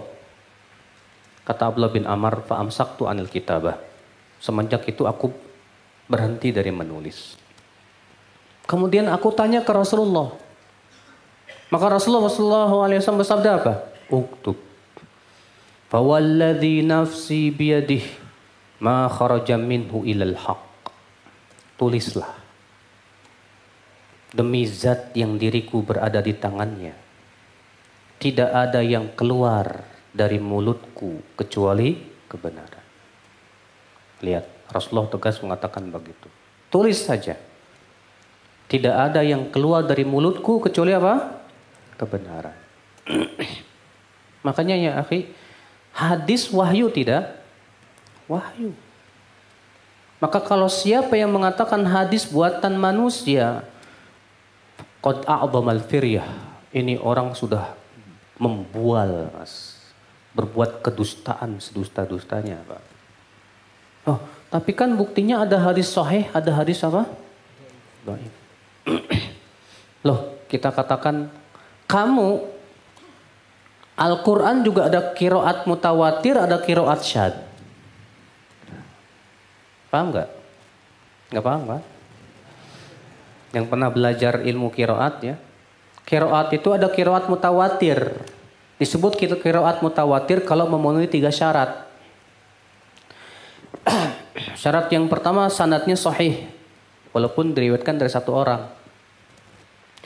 Yang kedua, sesuai dengan bahasa Arab yang fasih. Yang ketiga, sesuai dengan resem tulisan Musaf Uthmani. Maka kalau terpenuhi tiga syarat disebutlah kiroat itu kiroat mutawa tiro. Kalau tidak terpenuhi disebut dengan kiroat syaddah. Kiroat apa? Syaddah. Kiroat yang mutawatir ada tujuh kiroat yang sangat masyhur. Kiroat Hafaz, Warash, Hamzah, dan yang lainnya.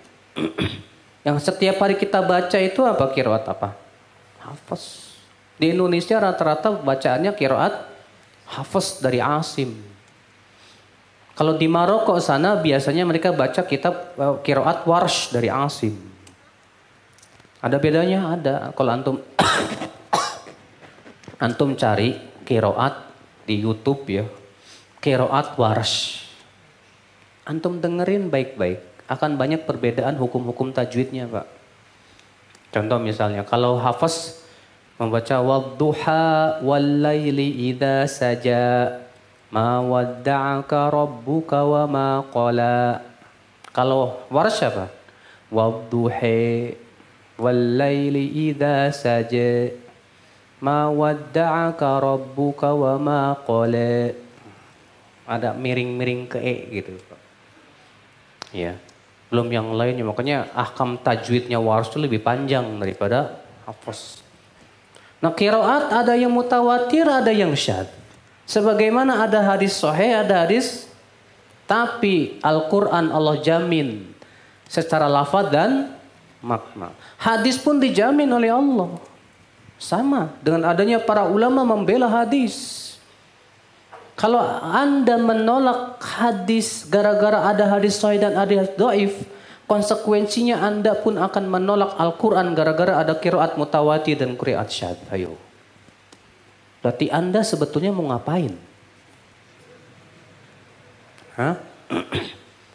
Kalau Anda berkata, saya cukup Al-Quran tanpa hadis, cara sholat Anda gimana? Apa ada dalam Al-Quran cara sholat dari takbiratul ihram sampai salam? Cara zakat Anda bagaimana? Apa ada disebutkan dalam Al-Quran nisob-nisobnya? Dan apakah harus haul atau tidak?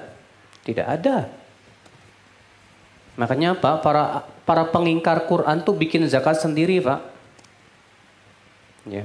Mereka sampai bikin, ya kalau emas kan 25 persen, mereka sampai 20 persen.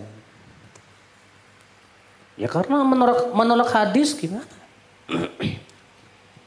Orang yang menolak hadis sebetulnya dia menolak Al-Quran. Kenapa? Karena Al-Quran memerintahkan kita ikut siapa? Rasul ya tidak? Ada seorang wanita datang kepada Ibnu Mas'ud. Lalu berkata, Hai Aba Abdurrahman, Aku mendengar kamu melaknat wanita yang bertato dan yang minta ditato. Aku mendengar kamu melaknat wanita yang minta yang menyambung rambut dan yang minta disambung rambutnya. Aku hafal Quran dan aku sudah baca dari awal sampai akhir dan tidak ada ayat yang menyebutkan itu. Apa kata Ibn Mas'ud kepada wanita ini? In kunti qara'ti faqad wajadti. Kalau kamu memang hafal Quran, kamu harusnya dapat ayatnya. Apa kata wanita itu? Ayat yang mana? Kata wanita itu yaitu ah, kata kata Ibnu Mas'ud yaitu firman Allah. Wa ma atakumur rasulu fakhudhuh wa ma nahakum anhu fantahu. Apa-apa yang diberikan oleh Rasul dari syariat ambil dan apa-apa yang dilarang oleh Rasul tinggalkan. Dan Rasulullah SAW melaknat wanita yang bertato dan yang minta ditato. Melaknat wanita yang menyambung rambut dan diminta disambung rambutnya. Tuh, ya. Makanya orang yang mengatakan cukup Al-Quran, tidak perlu hadis, sebetulnya dia menolak Al-Quran. Dan subhanallah Pak, Rasulullah SAW jauh-jauh hari sudah mengabarkan akan munculnya kelompok itu Pak. Dalam riwayat Tirmidzi dan yang lainnya, Rasulullah bersabda, "Yushiku an yajlisa rajul ala arikatihi, ta'tihi sunnatun min sunnati fayaqul, da' min hadha." Ma wajadna fil Quran ittaba'na, iktafaina bi. Apa kata Rasulullah SAW? Nanti hampir-hampir akan ada orang yang duduk di atas dipannya. Ketika datang kepada dia salah satu hadis Rasul, dia berkata apa? Tinggalkan ini. Cukup Al-Quran saja. Subhanallah. Rupanya Rasulullah sudah mengabarkan akan munculnya kelompok ingkarus sunnah. Dan ternyata yang Rasulullah kabarkan benar tidak Pak? Benar. Dan pengingkar sunnah itu bertingkat-tingkat. Ada yang ingkari sunnah sama sekali 100% nggak mau pakai sunnah. Ada lagi yang hanya menerima hadis mutawatir saja tanpa hadis ahad. Ini mu'tazilah. Ada lagi yang membedakan antara hadis ahad dalam masalah akidah dengan masalah hukum. Kalau masalah akidah ditolak, kalau masalah hukum diterima. Nah ini Pak, itu Ustaz Zainal punya buku, ya bagus banget bal tentang sejarah sunnah Rasul SAW dan musuh-musuhnya dan orang-orang yang menolak sunnah. Itu antum bisa rujuk bukunya Ustaz Zainal ya, Zainal Abidin itu bagus insya Allah yang menjelaskan tentang sejarah dan sekte-sekte orang-orang yang menolak sunnah Rasulullah Sallallahu Alaihi Wasallam. Nah. Eh, nah Ustaz. Ikhwannya silakan ingin bertanya langsung pakai via mic. Kita mengutamakan ikhwannya via mic ya. Tolong Ah Alfi. Depan. Ini, Vi. Silakan namanya. Assalamualaikum Ustaz. Ana Abu Azka. Assalamualaikum warahmatullahi Siapa namanya? Abu Azka. Itu bukan nama. Kunyahnya ya. Kunyah. Namanya siapa? Namanya Muhammad Afianto. Masya Allah. Muhammad Alfianto. Nah, Orang Jawa ya? Jawa Bapak Ibu eh, Sunda. Oh, Masya Allah. Uh, begini Ustaz. Saya termasuk pengurus di masjid, yaitu di Masjid Dautul Jannah, Bukit Cimanggu City, Bogor. Alhamdulillah bisa hadir di sini dengan para ikhwan semua. Uh, sudah lama memang Anda juga pernah ke Roja tadinya mau mengundang Ustadz. Dua tahun yang lalu tapi Ustadz lagi di Ambon kalau tidak salah. Jadi Oke. pertanyaannya kap- kapan bisa Tanya diundang? begini, Iya, langsung eh, nanya aja, Pak. Baik. Jadi dalam kepengurusan ini Ana berusaha untuk masjid Ana ini menjalankan sunnah masjid di sana ini. Darul Tetap- Jannah. Raudatul Jannah, Bukit, Raudatul Jannah. Bukit Cimagi City, Bogor. Tetapi banyak sekali tantangannya memang. Tantangan. Kami tidak melaksanakan maulid, kami tidak melaksanakan acara-acara perayaan-perayaan di masjid gitu. Nah, ihwan-ihwan di kami yang menjalankan sunnah itu galau gitu ya. Pertanyaannya apa? Uh, sikap kami selaku pengurus Iya. gitu ya agar sunnah ini tetap jalan kemudian karena banyak yang tidak mengenal sunnah akhirnya mereka sedang berusaha untuk menggalang kekuatan agar nanti pengurus selanjutnya itu tidak mengikuti seperti kita di sini begitu Ustaz Iya, apakah baik. kami tetap cukup hanya bersabar saja apa usaha lain yang harus kami lakukan. Iya. Karena kami juga sudah datang ke Ustadz Yazid, ke Ustadz yang mana-mana begitu. Oh, Masya. Demikian, wabillahi hidayah. Wassalamualaikum warahmatullahi wabarakatuh. Assalamualaikum warahmatullahi wabarakatuh. Ustaz. Banyak di antara kita salah kaprah memahami makna sabar. Seakan-akan sabar itu diam, tak bergerak. Sabar aja lah. Jadi sabar itu apa? Diam aja gitu. Salah. Sabar itu, Pak, terus di atas manhaj yang hak sambil kita terus berusaha. Itu namanya sabar. Jadi kalau perkataan antum apakah cukup sabar saja? Ya cukup. Kalau memahami makna sabar dengan benar. Dahulu para nabi menghadapi rintangan tidak? Rintangannya banyak tidak? Saya mau tanya, besaran mana rintangan kita dengan rintangan para nabi? Mereka sabar tidak? Tapi apakah sabar mereka artinya diam? Tapi mereka terus berdakwah. Antum di masjid tersebut sudah berapa lama berdakwah? Tiga tahun. Nabi Nuh 950 tahun.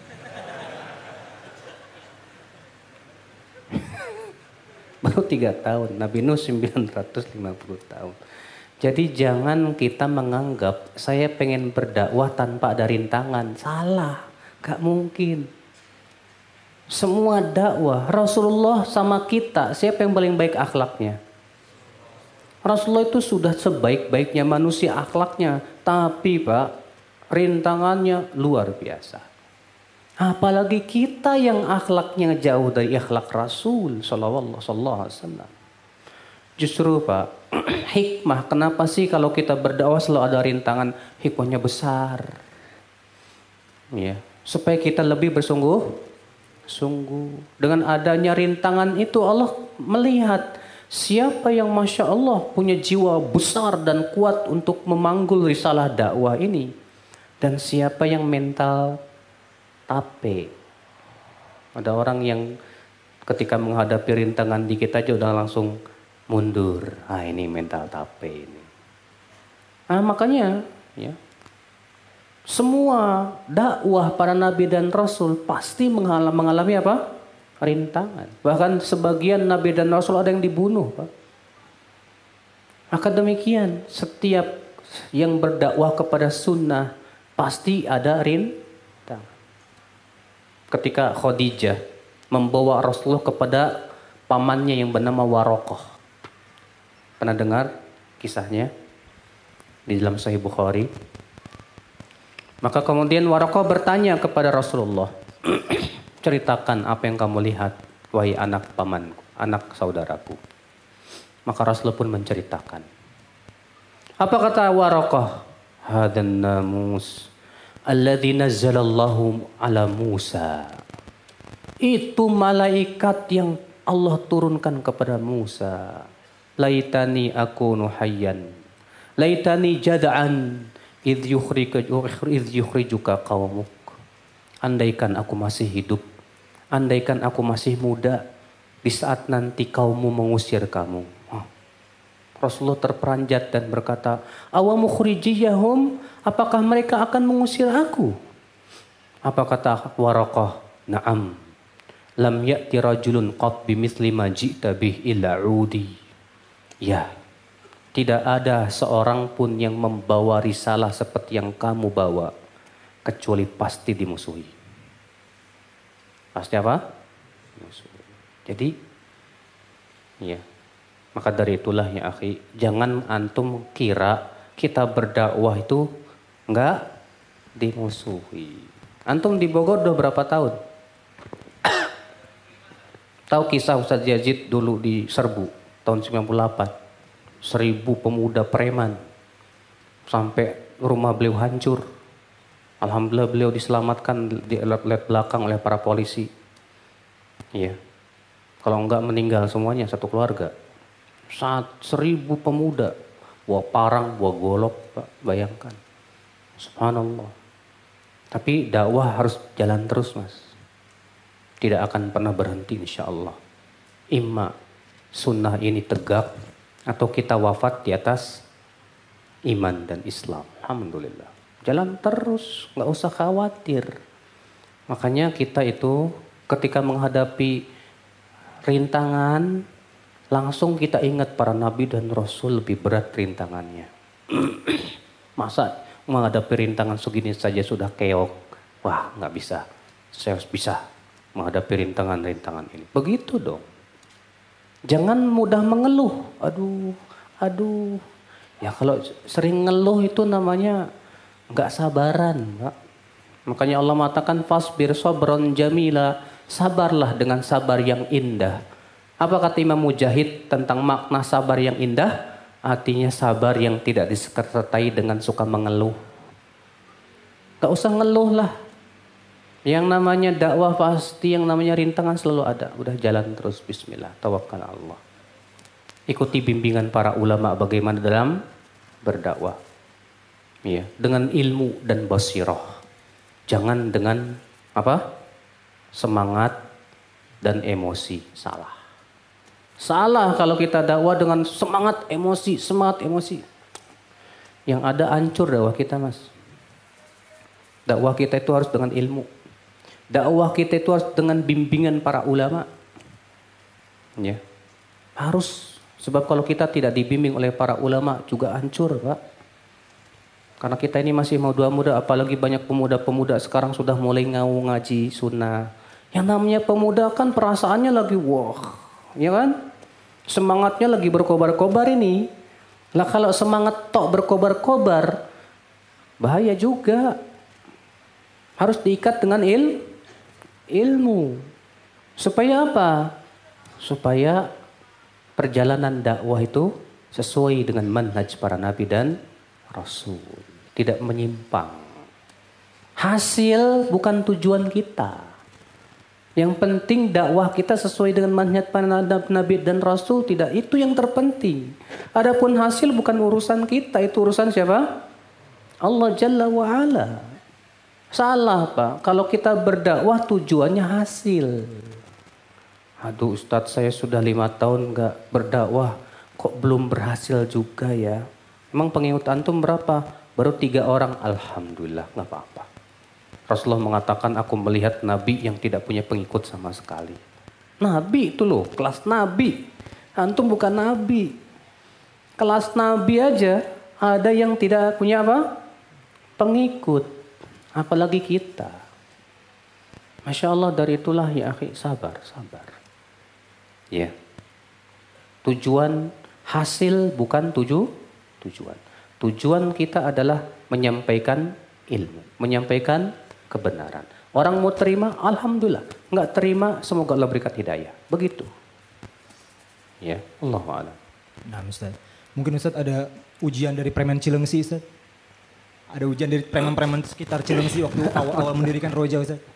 Ya kalau saya di Cilengsi sih sebatas melanjutkan perjuangan ayah saya. Karena yang pertama kali mendakwakan sunnah di Cilengsi itu ya ayah saya. Dulu ayah saya yang dilemparin dan yang lainnya. Saya tidak merasakan itu. Ya. Ada orang tua cerita ke saya. Dulu ayah kamu itu, Masya Allah dia kuat banget berpegang kepada sunnah. Ya. Ini sekarang alhamdulillah saya sih cuma apa melanjutkan aja, enak udah sekarang. Masya Allah. Baik, ikhwannya yang ingin bertanya kepada Ustaz langsung via mic-nya. Nah, ini sekitar Rafi ada Vi? Man tolong man.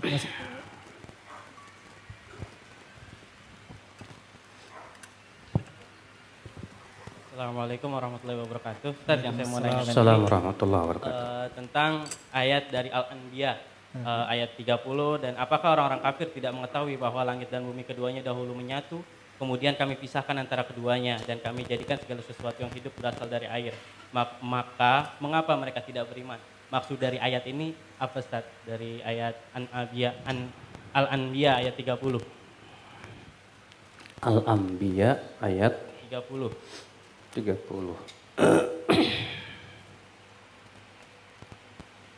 Fafataqnahuma wa ja'alna kulla minal ma'i kulla syai'in hayy itu ya.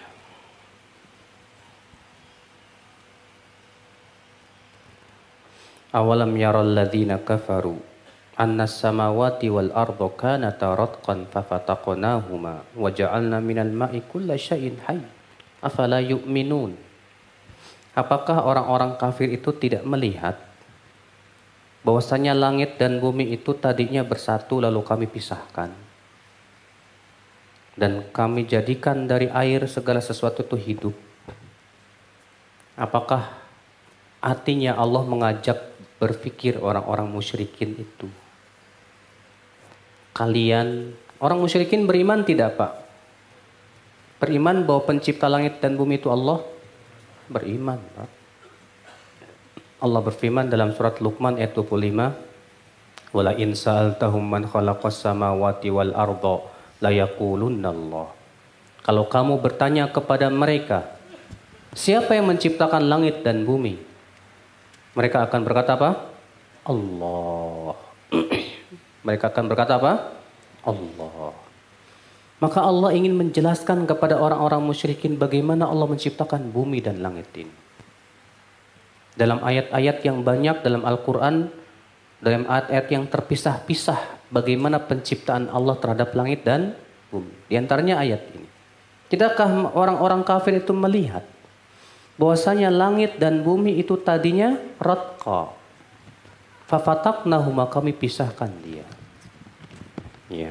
Artinya Allah mengajak pikir, coba kamu pikirkan hai orang-orang kafirin. Ya.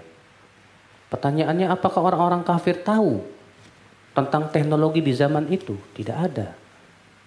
Tapi Pak, ya, di zaman itu para ahli ilmuwan ilmuwan itu sudah banyak berbicara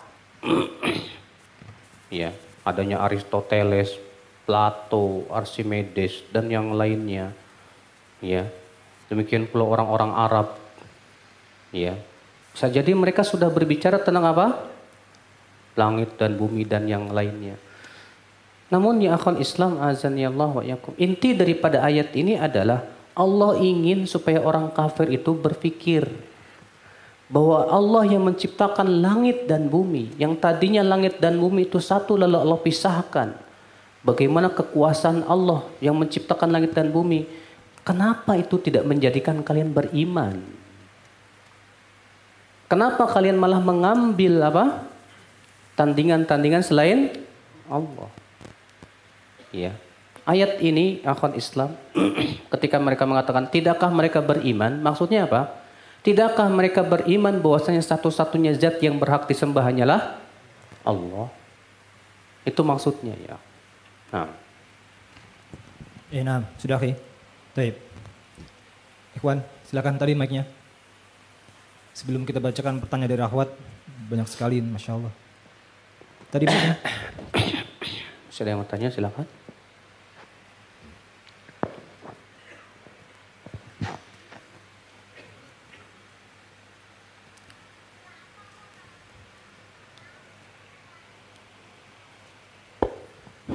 Bismillahirrahmanirrahim. Assalamualaikum warahmatullahi wabarakatuh. Assalamualaikum Alhamdulillah wassalatu wassalamu ala rasulillah.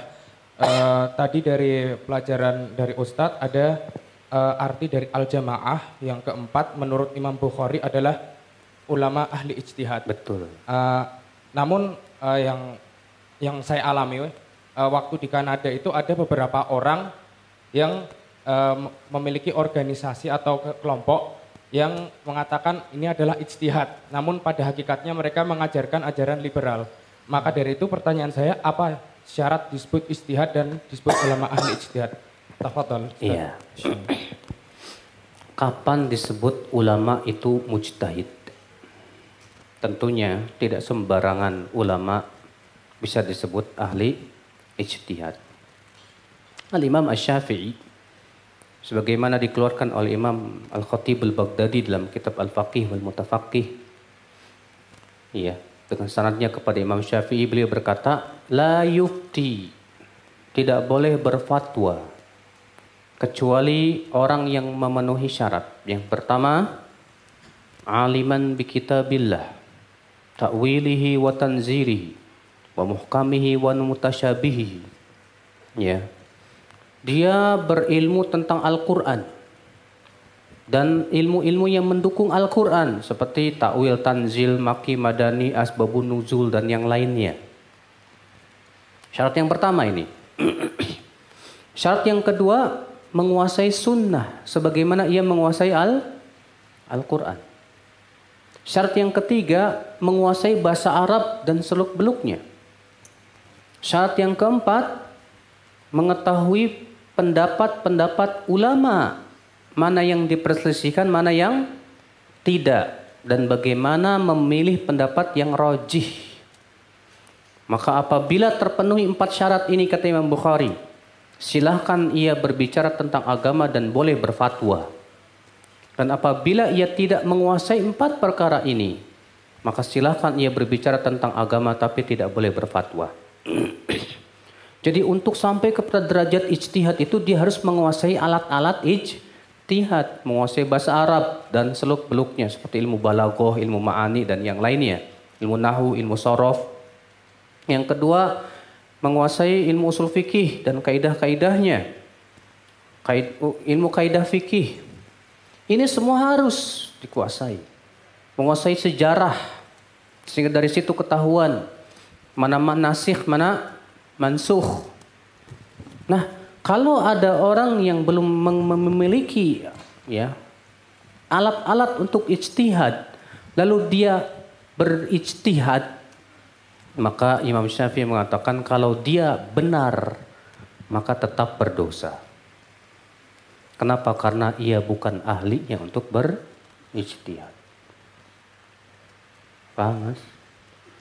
Jadi yang namanya ulama mujtahid itu kalau sudah terpenuhi padanya syarat-syarat ijtihad. Nah kalau ada orang liberal berkata ini ijtihad kami, kita katakan siapa? Ente. Ente bukan ahli ijtihad. Ahli ijtihad itu sudah menguasai apa? Dan diakui oleh para ulama kalau dia sudah sampai kepada derajat mujtahid. ya. Masya Allah ya Islam azan ya Allah wa yakum. Tahu nggak Syekhul Islam Taimiyah menyebutkan bahwa banyak ulama yang masih dalam tahap sebagai mukallid. Kemudian Ibn Taimiyah ketika menyebutkan tentang deretan ulama yang disebut mukallid di antaranya Imam Baihaqi, bayangin disebut mukallid sama Ibn Taimiyah. Kalau kayak kalau derajat Baihaqi disebut mukallid gimana derajat kita ya? Ya. Untuk sampai derajat istihad itu harus bag, Ilmunya bagikan bahar, Pak, bagikan lautan luas, Pak. Faham betul-betul.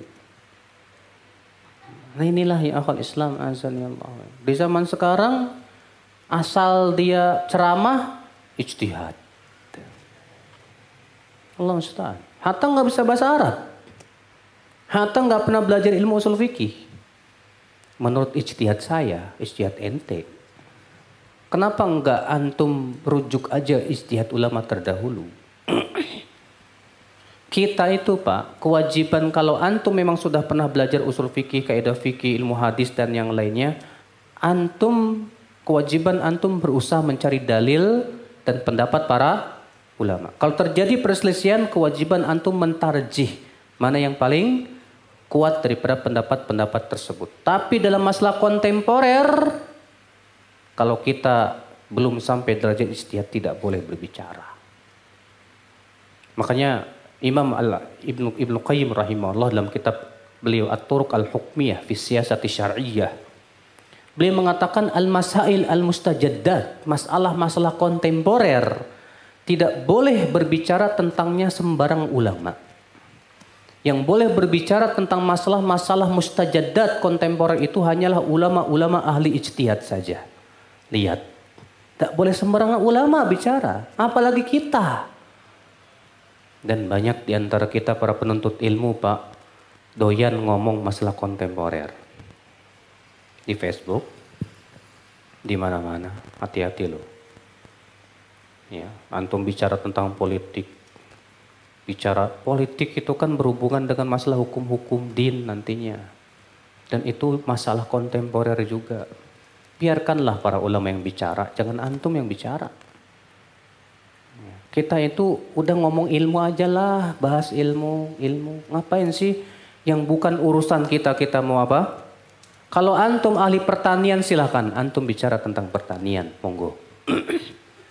lah antum ya cuma insinyur pertanian. Ngomong masalah agama, din. Sementara ndak punya apa? Background dan nggak punya bekal tentang itu. Bahaya, Pak. Bahaya. Maka dari itu ya akhwan Islam, saudara-saudaraku sekalian, ya. Inilah menunjukkan wajibnya kita rujuk kepada para ula, ulama. Jangan kita menganggap diri kita sudah oh sudah tinggi derajat keilmuan. Tidak boleh ya. Ya. Setiap masalah apa pun yang mustajad tanya ulama. Ada permasalahan yang sifatnya kontemporer tanya ulama, tanya ulama. Jangan jawab sendiri, istihad sendiri karena Anda bukan ahli istihad. Allah a'lam. Enak. Kita beralih ke pertanyaan akhwat. Saya bacakan ini ada Ustadz, bagaimana dengan manhaj lain yang sama-sama mengajarkan kebaikan Islam, namun berpecah menjadi hizbiyah yang berfokus kepada partai dan lain-lain, Ustadz? Bolehkah kita duduk bermajelis di dalamnya, Nam, Ustadz? Manhaj lain, saya mau tanya manhaj lain itu maksudnya manhaj apa? Kalau ada yang mengambil jalan selain jalan sahabat, terus manhaj apa? Iya kan? Kalau saya katakan, Ustadz manhaj, saya berusaha ngikutin manhaj salaf sesuai kemampuan saya. Tapi saya tidak mengklaim bahwa saya sudah seperti salaf. Saya manusia yang banyak kesalahannya dan yang lainnya. Iya kan? Manhaj yang kamu ikuti apa? Manhaj para sahabat, itulah salaf. Kalau ada orang berkata manhaj lain selain manhaj salaf, terus manhaj siapa? Saya bingung, Pak. Yang membawa Islam kepada kita kalau bukan sahabat siapa? Nggak ada, Pak. Sahabat menyampaikan kepada siapa? Tabiin, Pak. Tabiin menyampaikan kepada siapa? Tabiut tabiin. Rasulullah sudah memuji tiga generasi ini. Kata Rasulullah khairun nas qarni, thumma alladhina yalunahum, thumma alladhina yalunahum. Sebaik-baik manusia generasiku. Ini sahabat. Kemudian setelahnya tabi'in. Kemudian setelahnya tabi'ut, tabi'in. Sudah selesai. Kalau ada orang berkata, Ustadz manhaj saya ngikutin pendiri organisasi saya. Nah lo, saya berikan contoh Pak ada namanya Ikhwanul Muslimin yang mendirikannya Hasan Al-Banna dan Said Kutub. Kapan? Tahun 1945 di Mesir sana. Jadi manhaj kamu apa? Saya ngikutin manhaj Hasan Al-Banna dan Said Kutub. Nah. Ada lagi yang ikut jamaah tablik. Kamu ngikutin mana siapa? Saya mengikuti jamaah pendiri man, madhab saya. Siapa? Al, al, siapa? Yang mendirikan jamaah tablik? Uh, uh, Al-Kandahlawi, Muhammad Ilyas Al-Kandahlawi. Lagi Hizbut Tahrir, pendirinya siapa? Taqiyuddin An-Nabhani.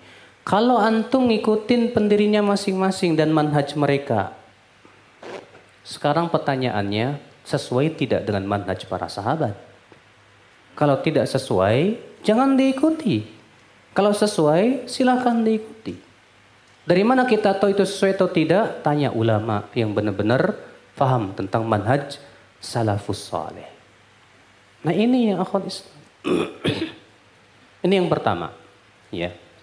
Jadi perkataan pertamanya tadi, kalau manhaj lain, nah ini saya jadi bingung. Manhaj lain ini maksudnya apa ini? Kalau selain manhaj sahabat, saya berani katakan pasti batil. Selain manhaj sahabat pasti apa? Batil. Ya.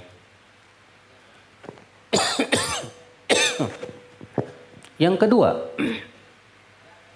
kalau ada orang mengatakan, saya Ustadz Alhamdulillah berusaha ngikutin manhaj salaf. Ya. Tapi saya fanatiknya sama satu Ustadz aja. Gak mau Ustadz yang lain. Pokoknya yang kata Ustadz ini di, diucapkan pasti benar, nggak mungkin salah. Sama aja ini namanya nggak ngikutin manat sah, sahabat. Seperti itu kan manat salaf? Tidak. Banyak di antara kita Pak, maaf ya.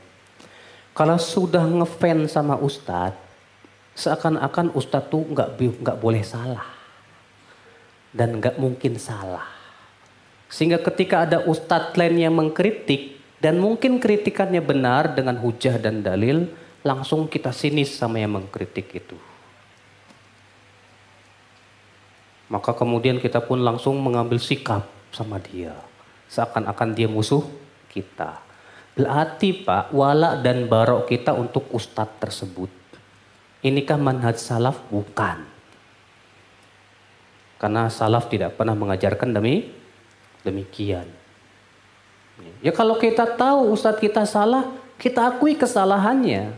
Tapi apakah karena kesalahan itu dia langsung kita keluarkan dari sunnah? Belum tentu juga. Ada apa? kaidah-kaidahnya yang harus kita ketahui, Pak.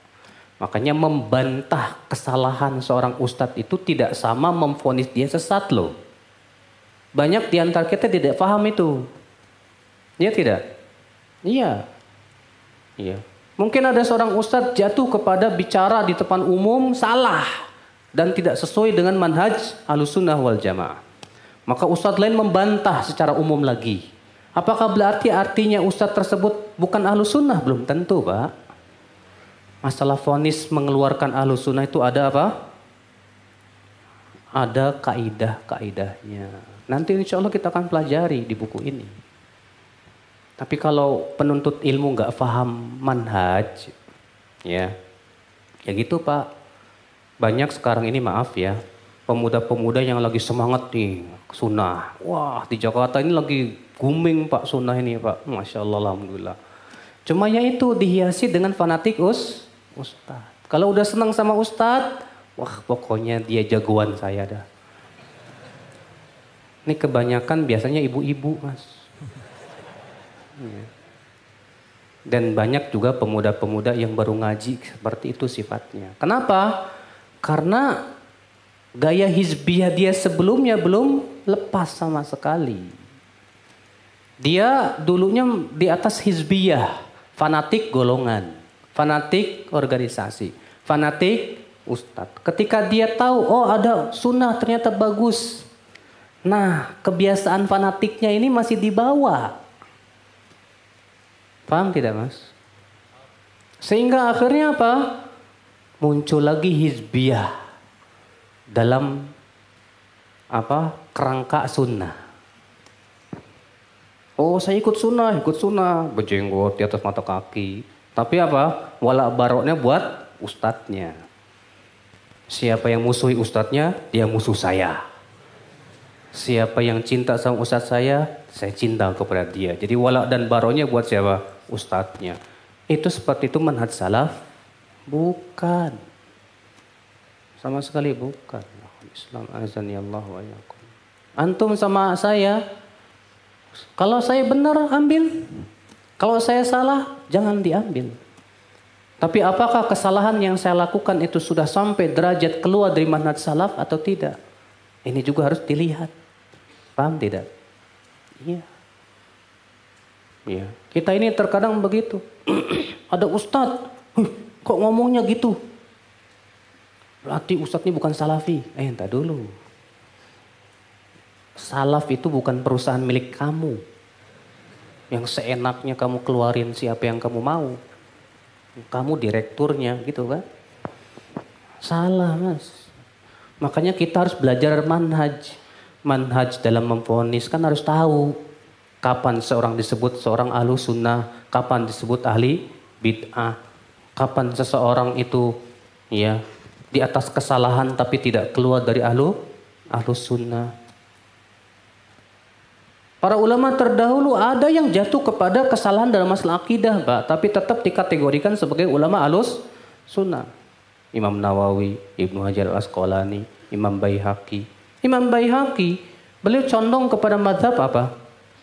Hah? kepada madhab uh, dalam masalah akidah menolak sifat-sifat yang berhubungan dengan ikhtiar. Tapi tetap para ulama mengatakan beliau masih ahlu sunnah. Kenapa? Karena beliau masih berpijak di atas sun. Kesalahan beliau dalam istihad semoga diampuni oleh Allah subhanahu wa ta'ala.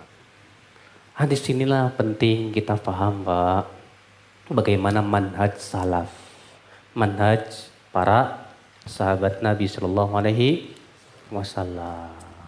Jadi jangan mudah memfonis juga. Jangan juga memberikan loyalitas dan permusuhan kepada seorang ustadz.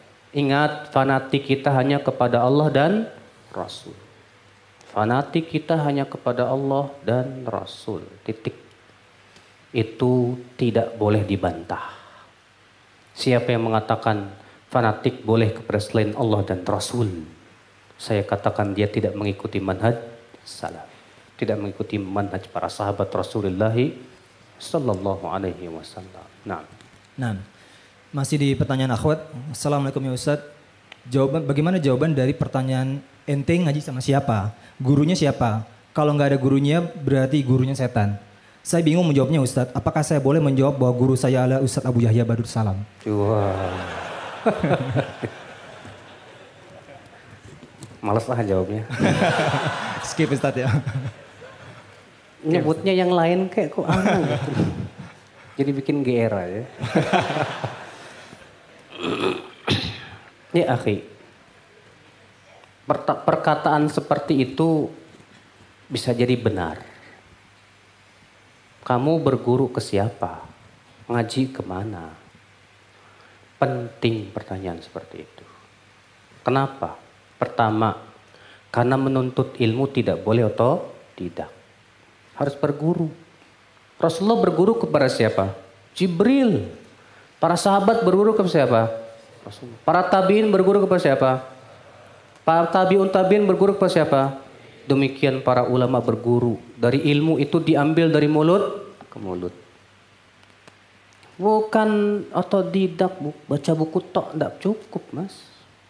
Duduk di majlis ilmu. Harus. Pertanyaan itu benar sebetulnya. Tapi jangan dipahami dulu dengan emosi. Ya. Itu pertanyaan ingin supaya mendidik kita supaya jelas kamu itu nguntut ilmu dari siapa? Gurumu siapa? Syekh Soleh Fauzan berkata, kalau kamu ingin tahu tentang hakikat manhaj seseorang, tanya siapa gurumu dan siapa teman-temannya. Dari situ akan Anda tahu bagaimana manhaj dia. Kalau ternyata teman-temannya kumpulnya sama orang-orang yang suka berbuat apa? Maksiat, ya seperti itulah manhaj dia. Kalau dia bergurunya dari orang-orang yang menyimpang pemikiran liberal, biasanya sih pikirannya nggak nggak nggak jauh dari apa? Liberal. Burung itu biasanya hinggap dengan siapa? Dengan yang sejenis. Iya nggak? Iya. Maka dari itulah saudara-saudaraku, pertanyaan seperti ini sebenarnya bagus. Asal jangan dipahami dengan emo, emosi. Kamu ng ngajinya di mana? Guru kamu siapa? Kalau kamu nggak punya guru, jangan-jangan gurunya setan. Iya. Artinya kalau kita nggak punya guru, akhirnya mengandalkan apa? Akal sendiri. Kalau ngandalan akilan akal sendiri apa? Setan bisa masuk, Mas. Iya tidak? Iya, mempermainkan kita nanti jadinya. Maka di sinilah ya, kalau ada orang yang bertanya seperti itu, kamu berguru sama siapa? Jawab aja. Saya alhamdulillah ngaji di majlis taklim fulan, ustadz fulan, ustadz fulan, ustadz fulan. Selesai. Apa yang apa buku yang sudah kamu habiskan? Belum ada sih. Soalnya saya baru ngaji satu tahun. Ya alhamdulillah. Yang penting anda sudah berguru, duduk di majlis taklim, dibimbing. Kalau bisa ngajinya kitab, jelas. Oh kitabnya apa? Yang dibahas, oh syarhus sunnah Imam Barbarah Bahari misalnya. Alhamdulillah. Ini yang harus kita galakan mas. Kajian kitab ulama salaf itu harus digalakan.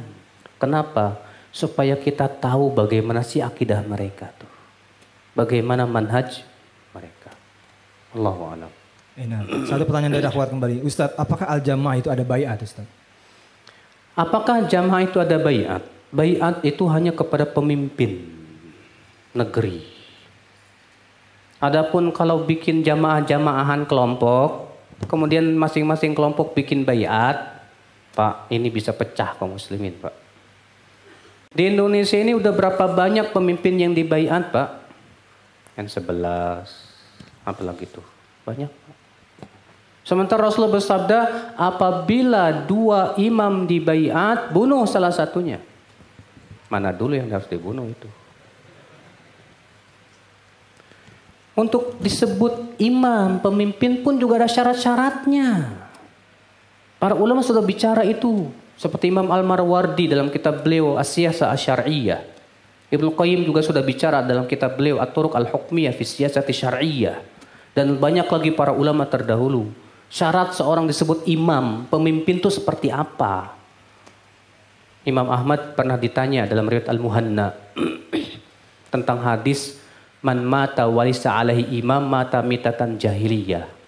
Siapa yang punya yang meninggal dalam keadaan tidak punya imam, maka matinya bangkai jahiliyah. Apa kata Imam Ahmad? Tahukah kamu siapa yang dimaksud dengan imam? Imam itu an yakula kullu muslim ada imam. Itu setiap muslim mengatakan ini imam. Artinya diakui oleh semua muslim. Ini imam. Bukan cuma kelompok Anda aja. Salah. Makanya bayat itu ada bayat yang bid'ah, ada bayat yang sesuai dengan sun, sunnah.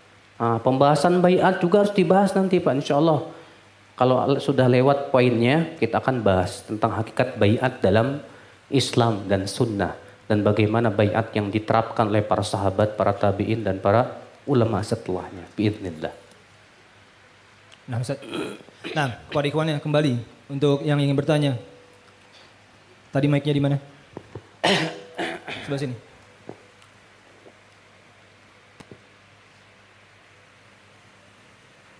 Kita nanti kita selesaikan sampai setengah 12 agar bisa mengantri wudhunya karena kadarullah tempat wudhunya tidak terlalu banyak.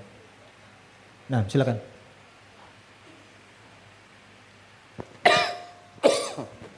Bismillahirrahmanirrahim. Assalamualaikum warahmatullahi wabarakatuh. Assalamualaikum warahmatullahi wabarakatuh. Alhamdulillah wa syukurillah Ustaz, saya mau nanya nih. Uh, saya batasan tentang bid'ah itu sendiri bagaimana sih Ustaz? Wah ini panjang banget nih pembahasannya. Jawab, jawab singkat bisa Ustaz? Antum, Soalnya, antum sabar aja. Uh, Beliau di sini di poin keberapa ya? Akan membahas tentang bid'ah. Ada pembahasannya insya Allah. Oh, minggu depan insya Allah. Bulan depan, Ustaz? Iya, minggu depan. Eh, tahun bulan depan insya Allah. Bulan depan kita masuk pada pembahasan itu. Sabar ya. Untuk nih, supaya sabar nih bisa intip-intip di kitabnya, silakan. Datang tapi ya, ya. Cip, silakan. Selanjutnya. Mau nanya bid'ah juga mau dapat kitab ya. Bismillahirrahmanirrahim. Assalamualaikum warahmatullahi wabarakatuh. Assalamualaikum warahmatullahi wabarakatuh. Uh, nama Anda Taufik. Uh, anda mau nanya Ustaz, yang pertama itu, Anda tentang menanyakan tentang dua poin. Uh, Waktunya. Ya, oh gitu. Oke, okay, uh, bagaimana kita menyikapi perbedaan pengertian iman menurut Al-Hanafiyah Ustaz? Karena kan mereka mengartikan menurut pengertian Murji'ah. Apa-apa? bagaimana kita menyikapi perbedaan pengertian iman dengan menurut Al-Hanafiyah. Al-Hanafiyah. Mm. Itu ada di poin selanjutnya. Akan dibahas oleh beliau insya Allah tentang hakikat iman. Iman itu apa? Jadi tunggu saja pada waktunya ya. Oke, kalau gitu Antum, boleh ganti pertanyaan Ustaz? Hah? Boleh ganti pertanyaan? Oh, ya yang udah lain, apa, Yang, yang lainnya Ustaz. Antum bisa aja mau, mau dapat kitab kan? Ayo poin yang lanjutnya. Bapak silakan. Habis ini kita bacakan lagi yang akhwatnya ya. Mik, mik, mik. Iya, silakan.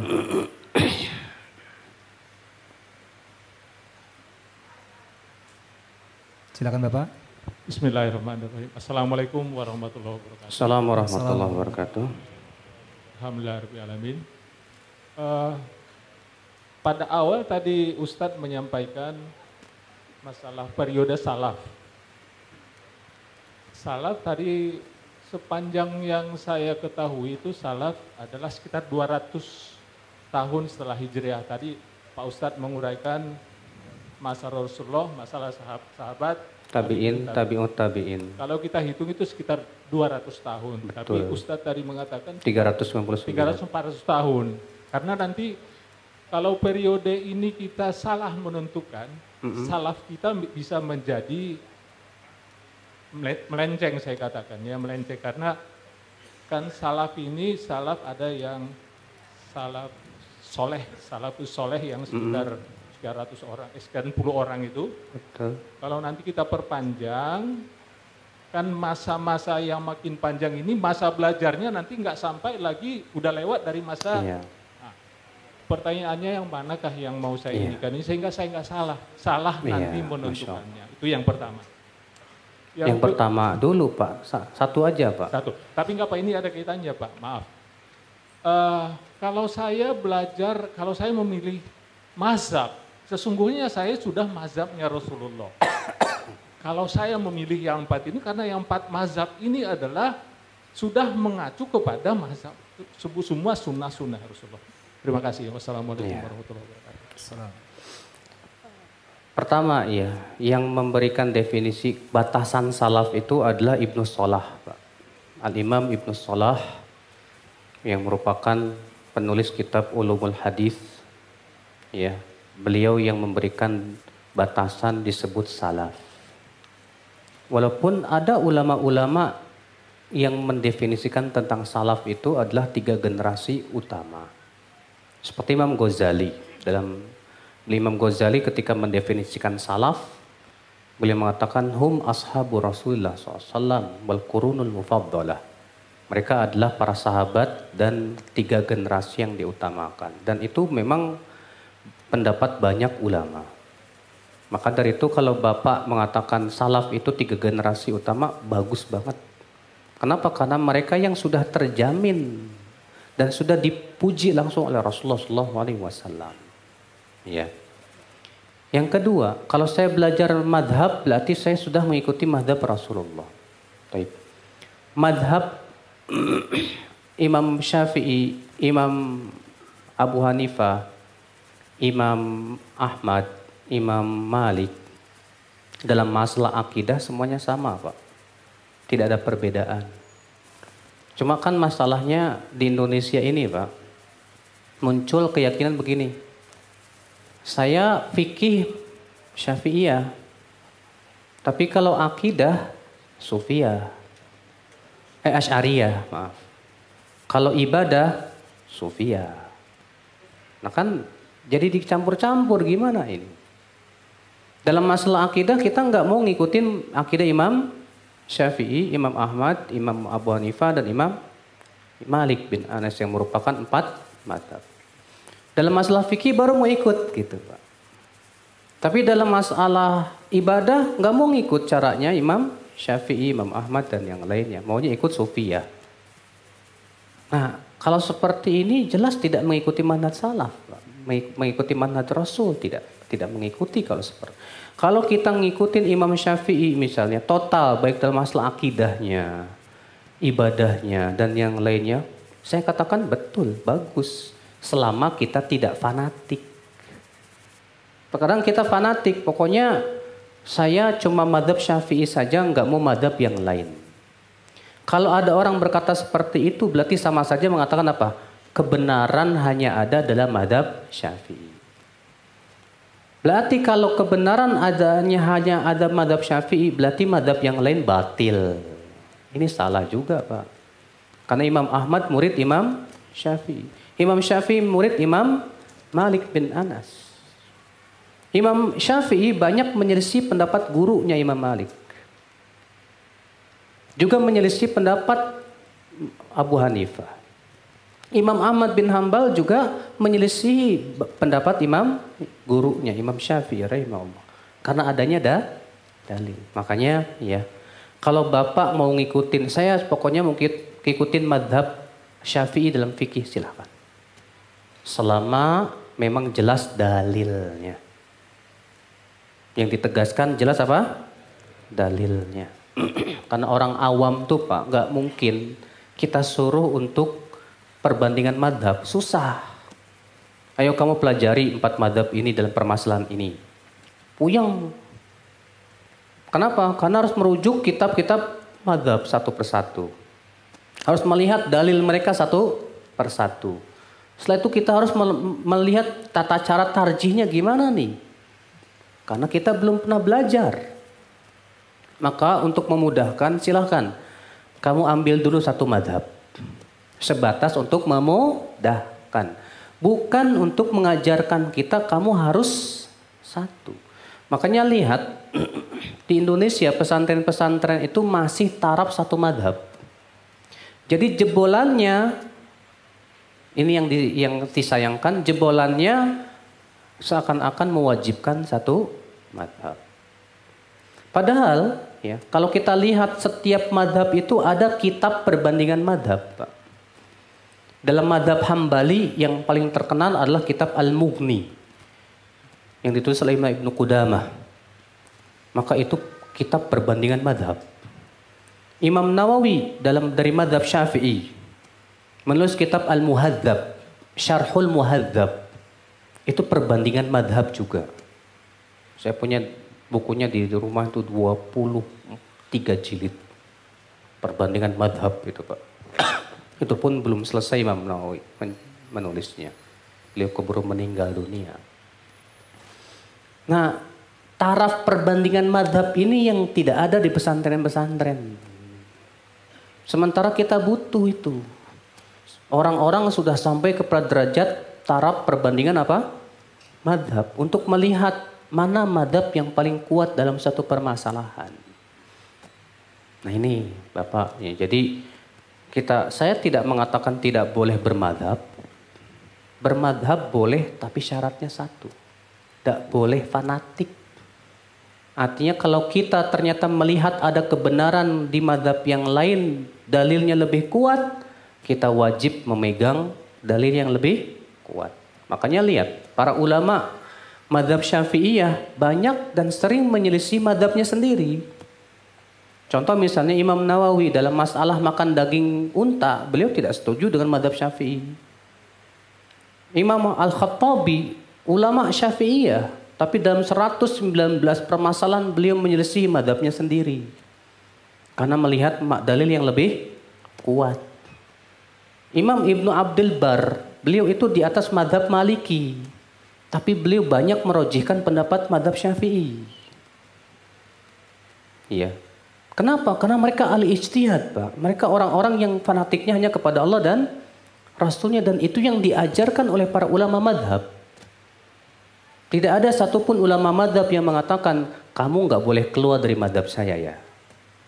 Tidak ada. Paham, Pak? Alhamdulillah. Masya Allah. Ini Masya Allah ya faedahnya banyak sekali ya dari pertanyaan Bapak tadi ilmunya bisa kita ambil banyak. Dan insya Allah ini pertanyaan terakhir dari akhwat Ustaz. Assalamualaikum warahmatullahi wabarakatuh Ustaz. Saya yang bertanya Ustaz, Ana seorang tentara wanita Ustaz. Ana seorang tentara wanita, Ana ingin resign dari pekerjaan yang tidak sesuai syariat. Ikhtilat dan banyak mudarat menurut beliau. Tapi kalau Ana resign, orang tua sangat marah karena tidak mau beliau tidak mau menganggap Ana sebagai anak dan menyupai Ana dengan perkataan yang buruk. Bagaimana sikap dia? Tentu menaati orang tua selama sesuai dengan ketaatan kepada Allah dan Rasulnya. Kalau orang tua marah, tapi Allah ridho, Allah cukupkan insya Allah. Kalau Allah murka, orang tua ridho, siapa yang akan menahan dari adab Allah Subhanahu wa taala? Makanya Allah mengatakan wa in jahadaka ala an tusyrika bima laysa laka bihi ilmun fala tuti'huma. Kalau kedua orang tuamu memaksa kamu untuk mempersekutukan aku, jangan taati keduanya. Artinya, dalam memaksiati Allah kita tidak boleh menaati orang tua. Maka dari itu mbak yang bertanya tadi Masya Allah masih di atas fitrahnya. Dia merasakan tidak nyaman karena itu memang tidak sesuai dengan syariat. Bismillah tawakal Allah keluar saja resign. Ya mbak segera menikah. Ya dengan adanya suami insya Allah Dan orang tua yang marah itu tidak akan memberikan pengaruh. Kenapa? Karena mbak ini ingin menjalankan perintah Allah. Dan marahnya orang tua bukan pada tempatnya. Kalau mereka sumpah serapah pun tidak akan didengar oleh Allah Subhanahu wa taala. Kenapa? Karena dia memerintahkan kepada maksiat. Semoga Allah memberikan kekuatan kepada mbak yang bertanya tadi supaya diberikan kekuatan untuk resign dan menjadi wanita yang salehat yang diperintahkan oleh Allah waqarna fi buyutikunna dan hendaklah para wanita tinggal di rumah-rumahnya berbakti kepada suaminya ya dan beribadah kepada Rabbnya amin ya rabbal alamin. Semoga yang saya sampaikan bermanfaat. Mohon maaf bila ada perkara yang tidak sesuai di hati. Wabillahi taufik. Subhanallah bihamdika. Asyhadu an la ilaha illa anta astaghfiruka Assalamualaikum warahmatullahi wabarakatuh. Waalaikumsalam warahmatullahi wabarakatuh. Jazakallah khairan kepada Ustaz Abu Yahya Barussalam LC Hafizahullah Ta'ala.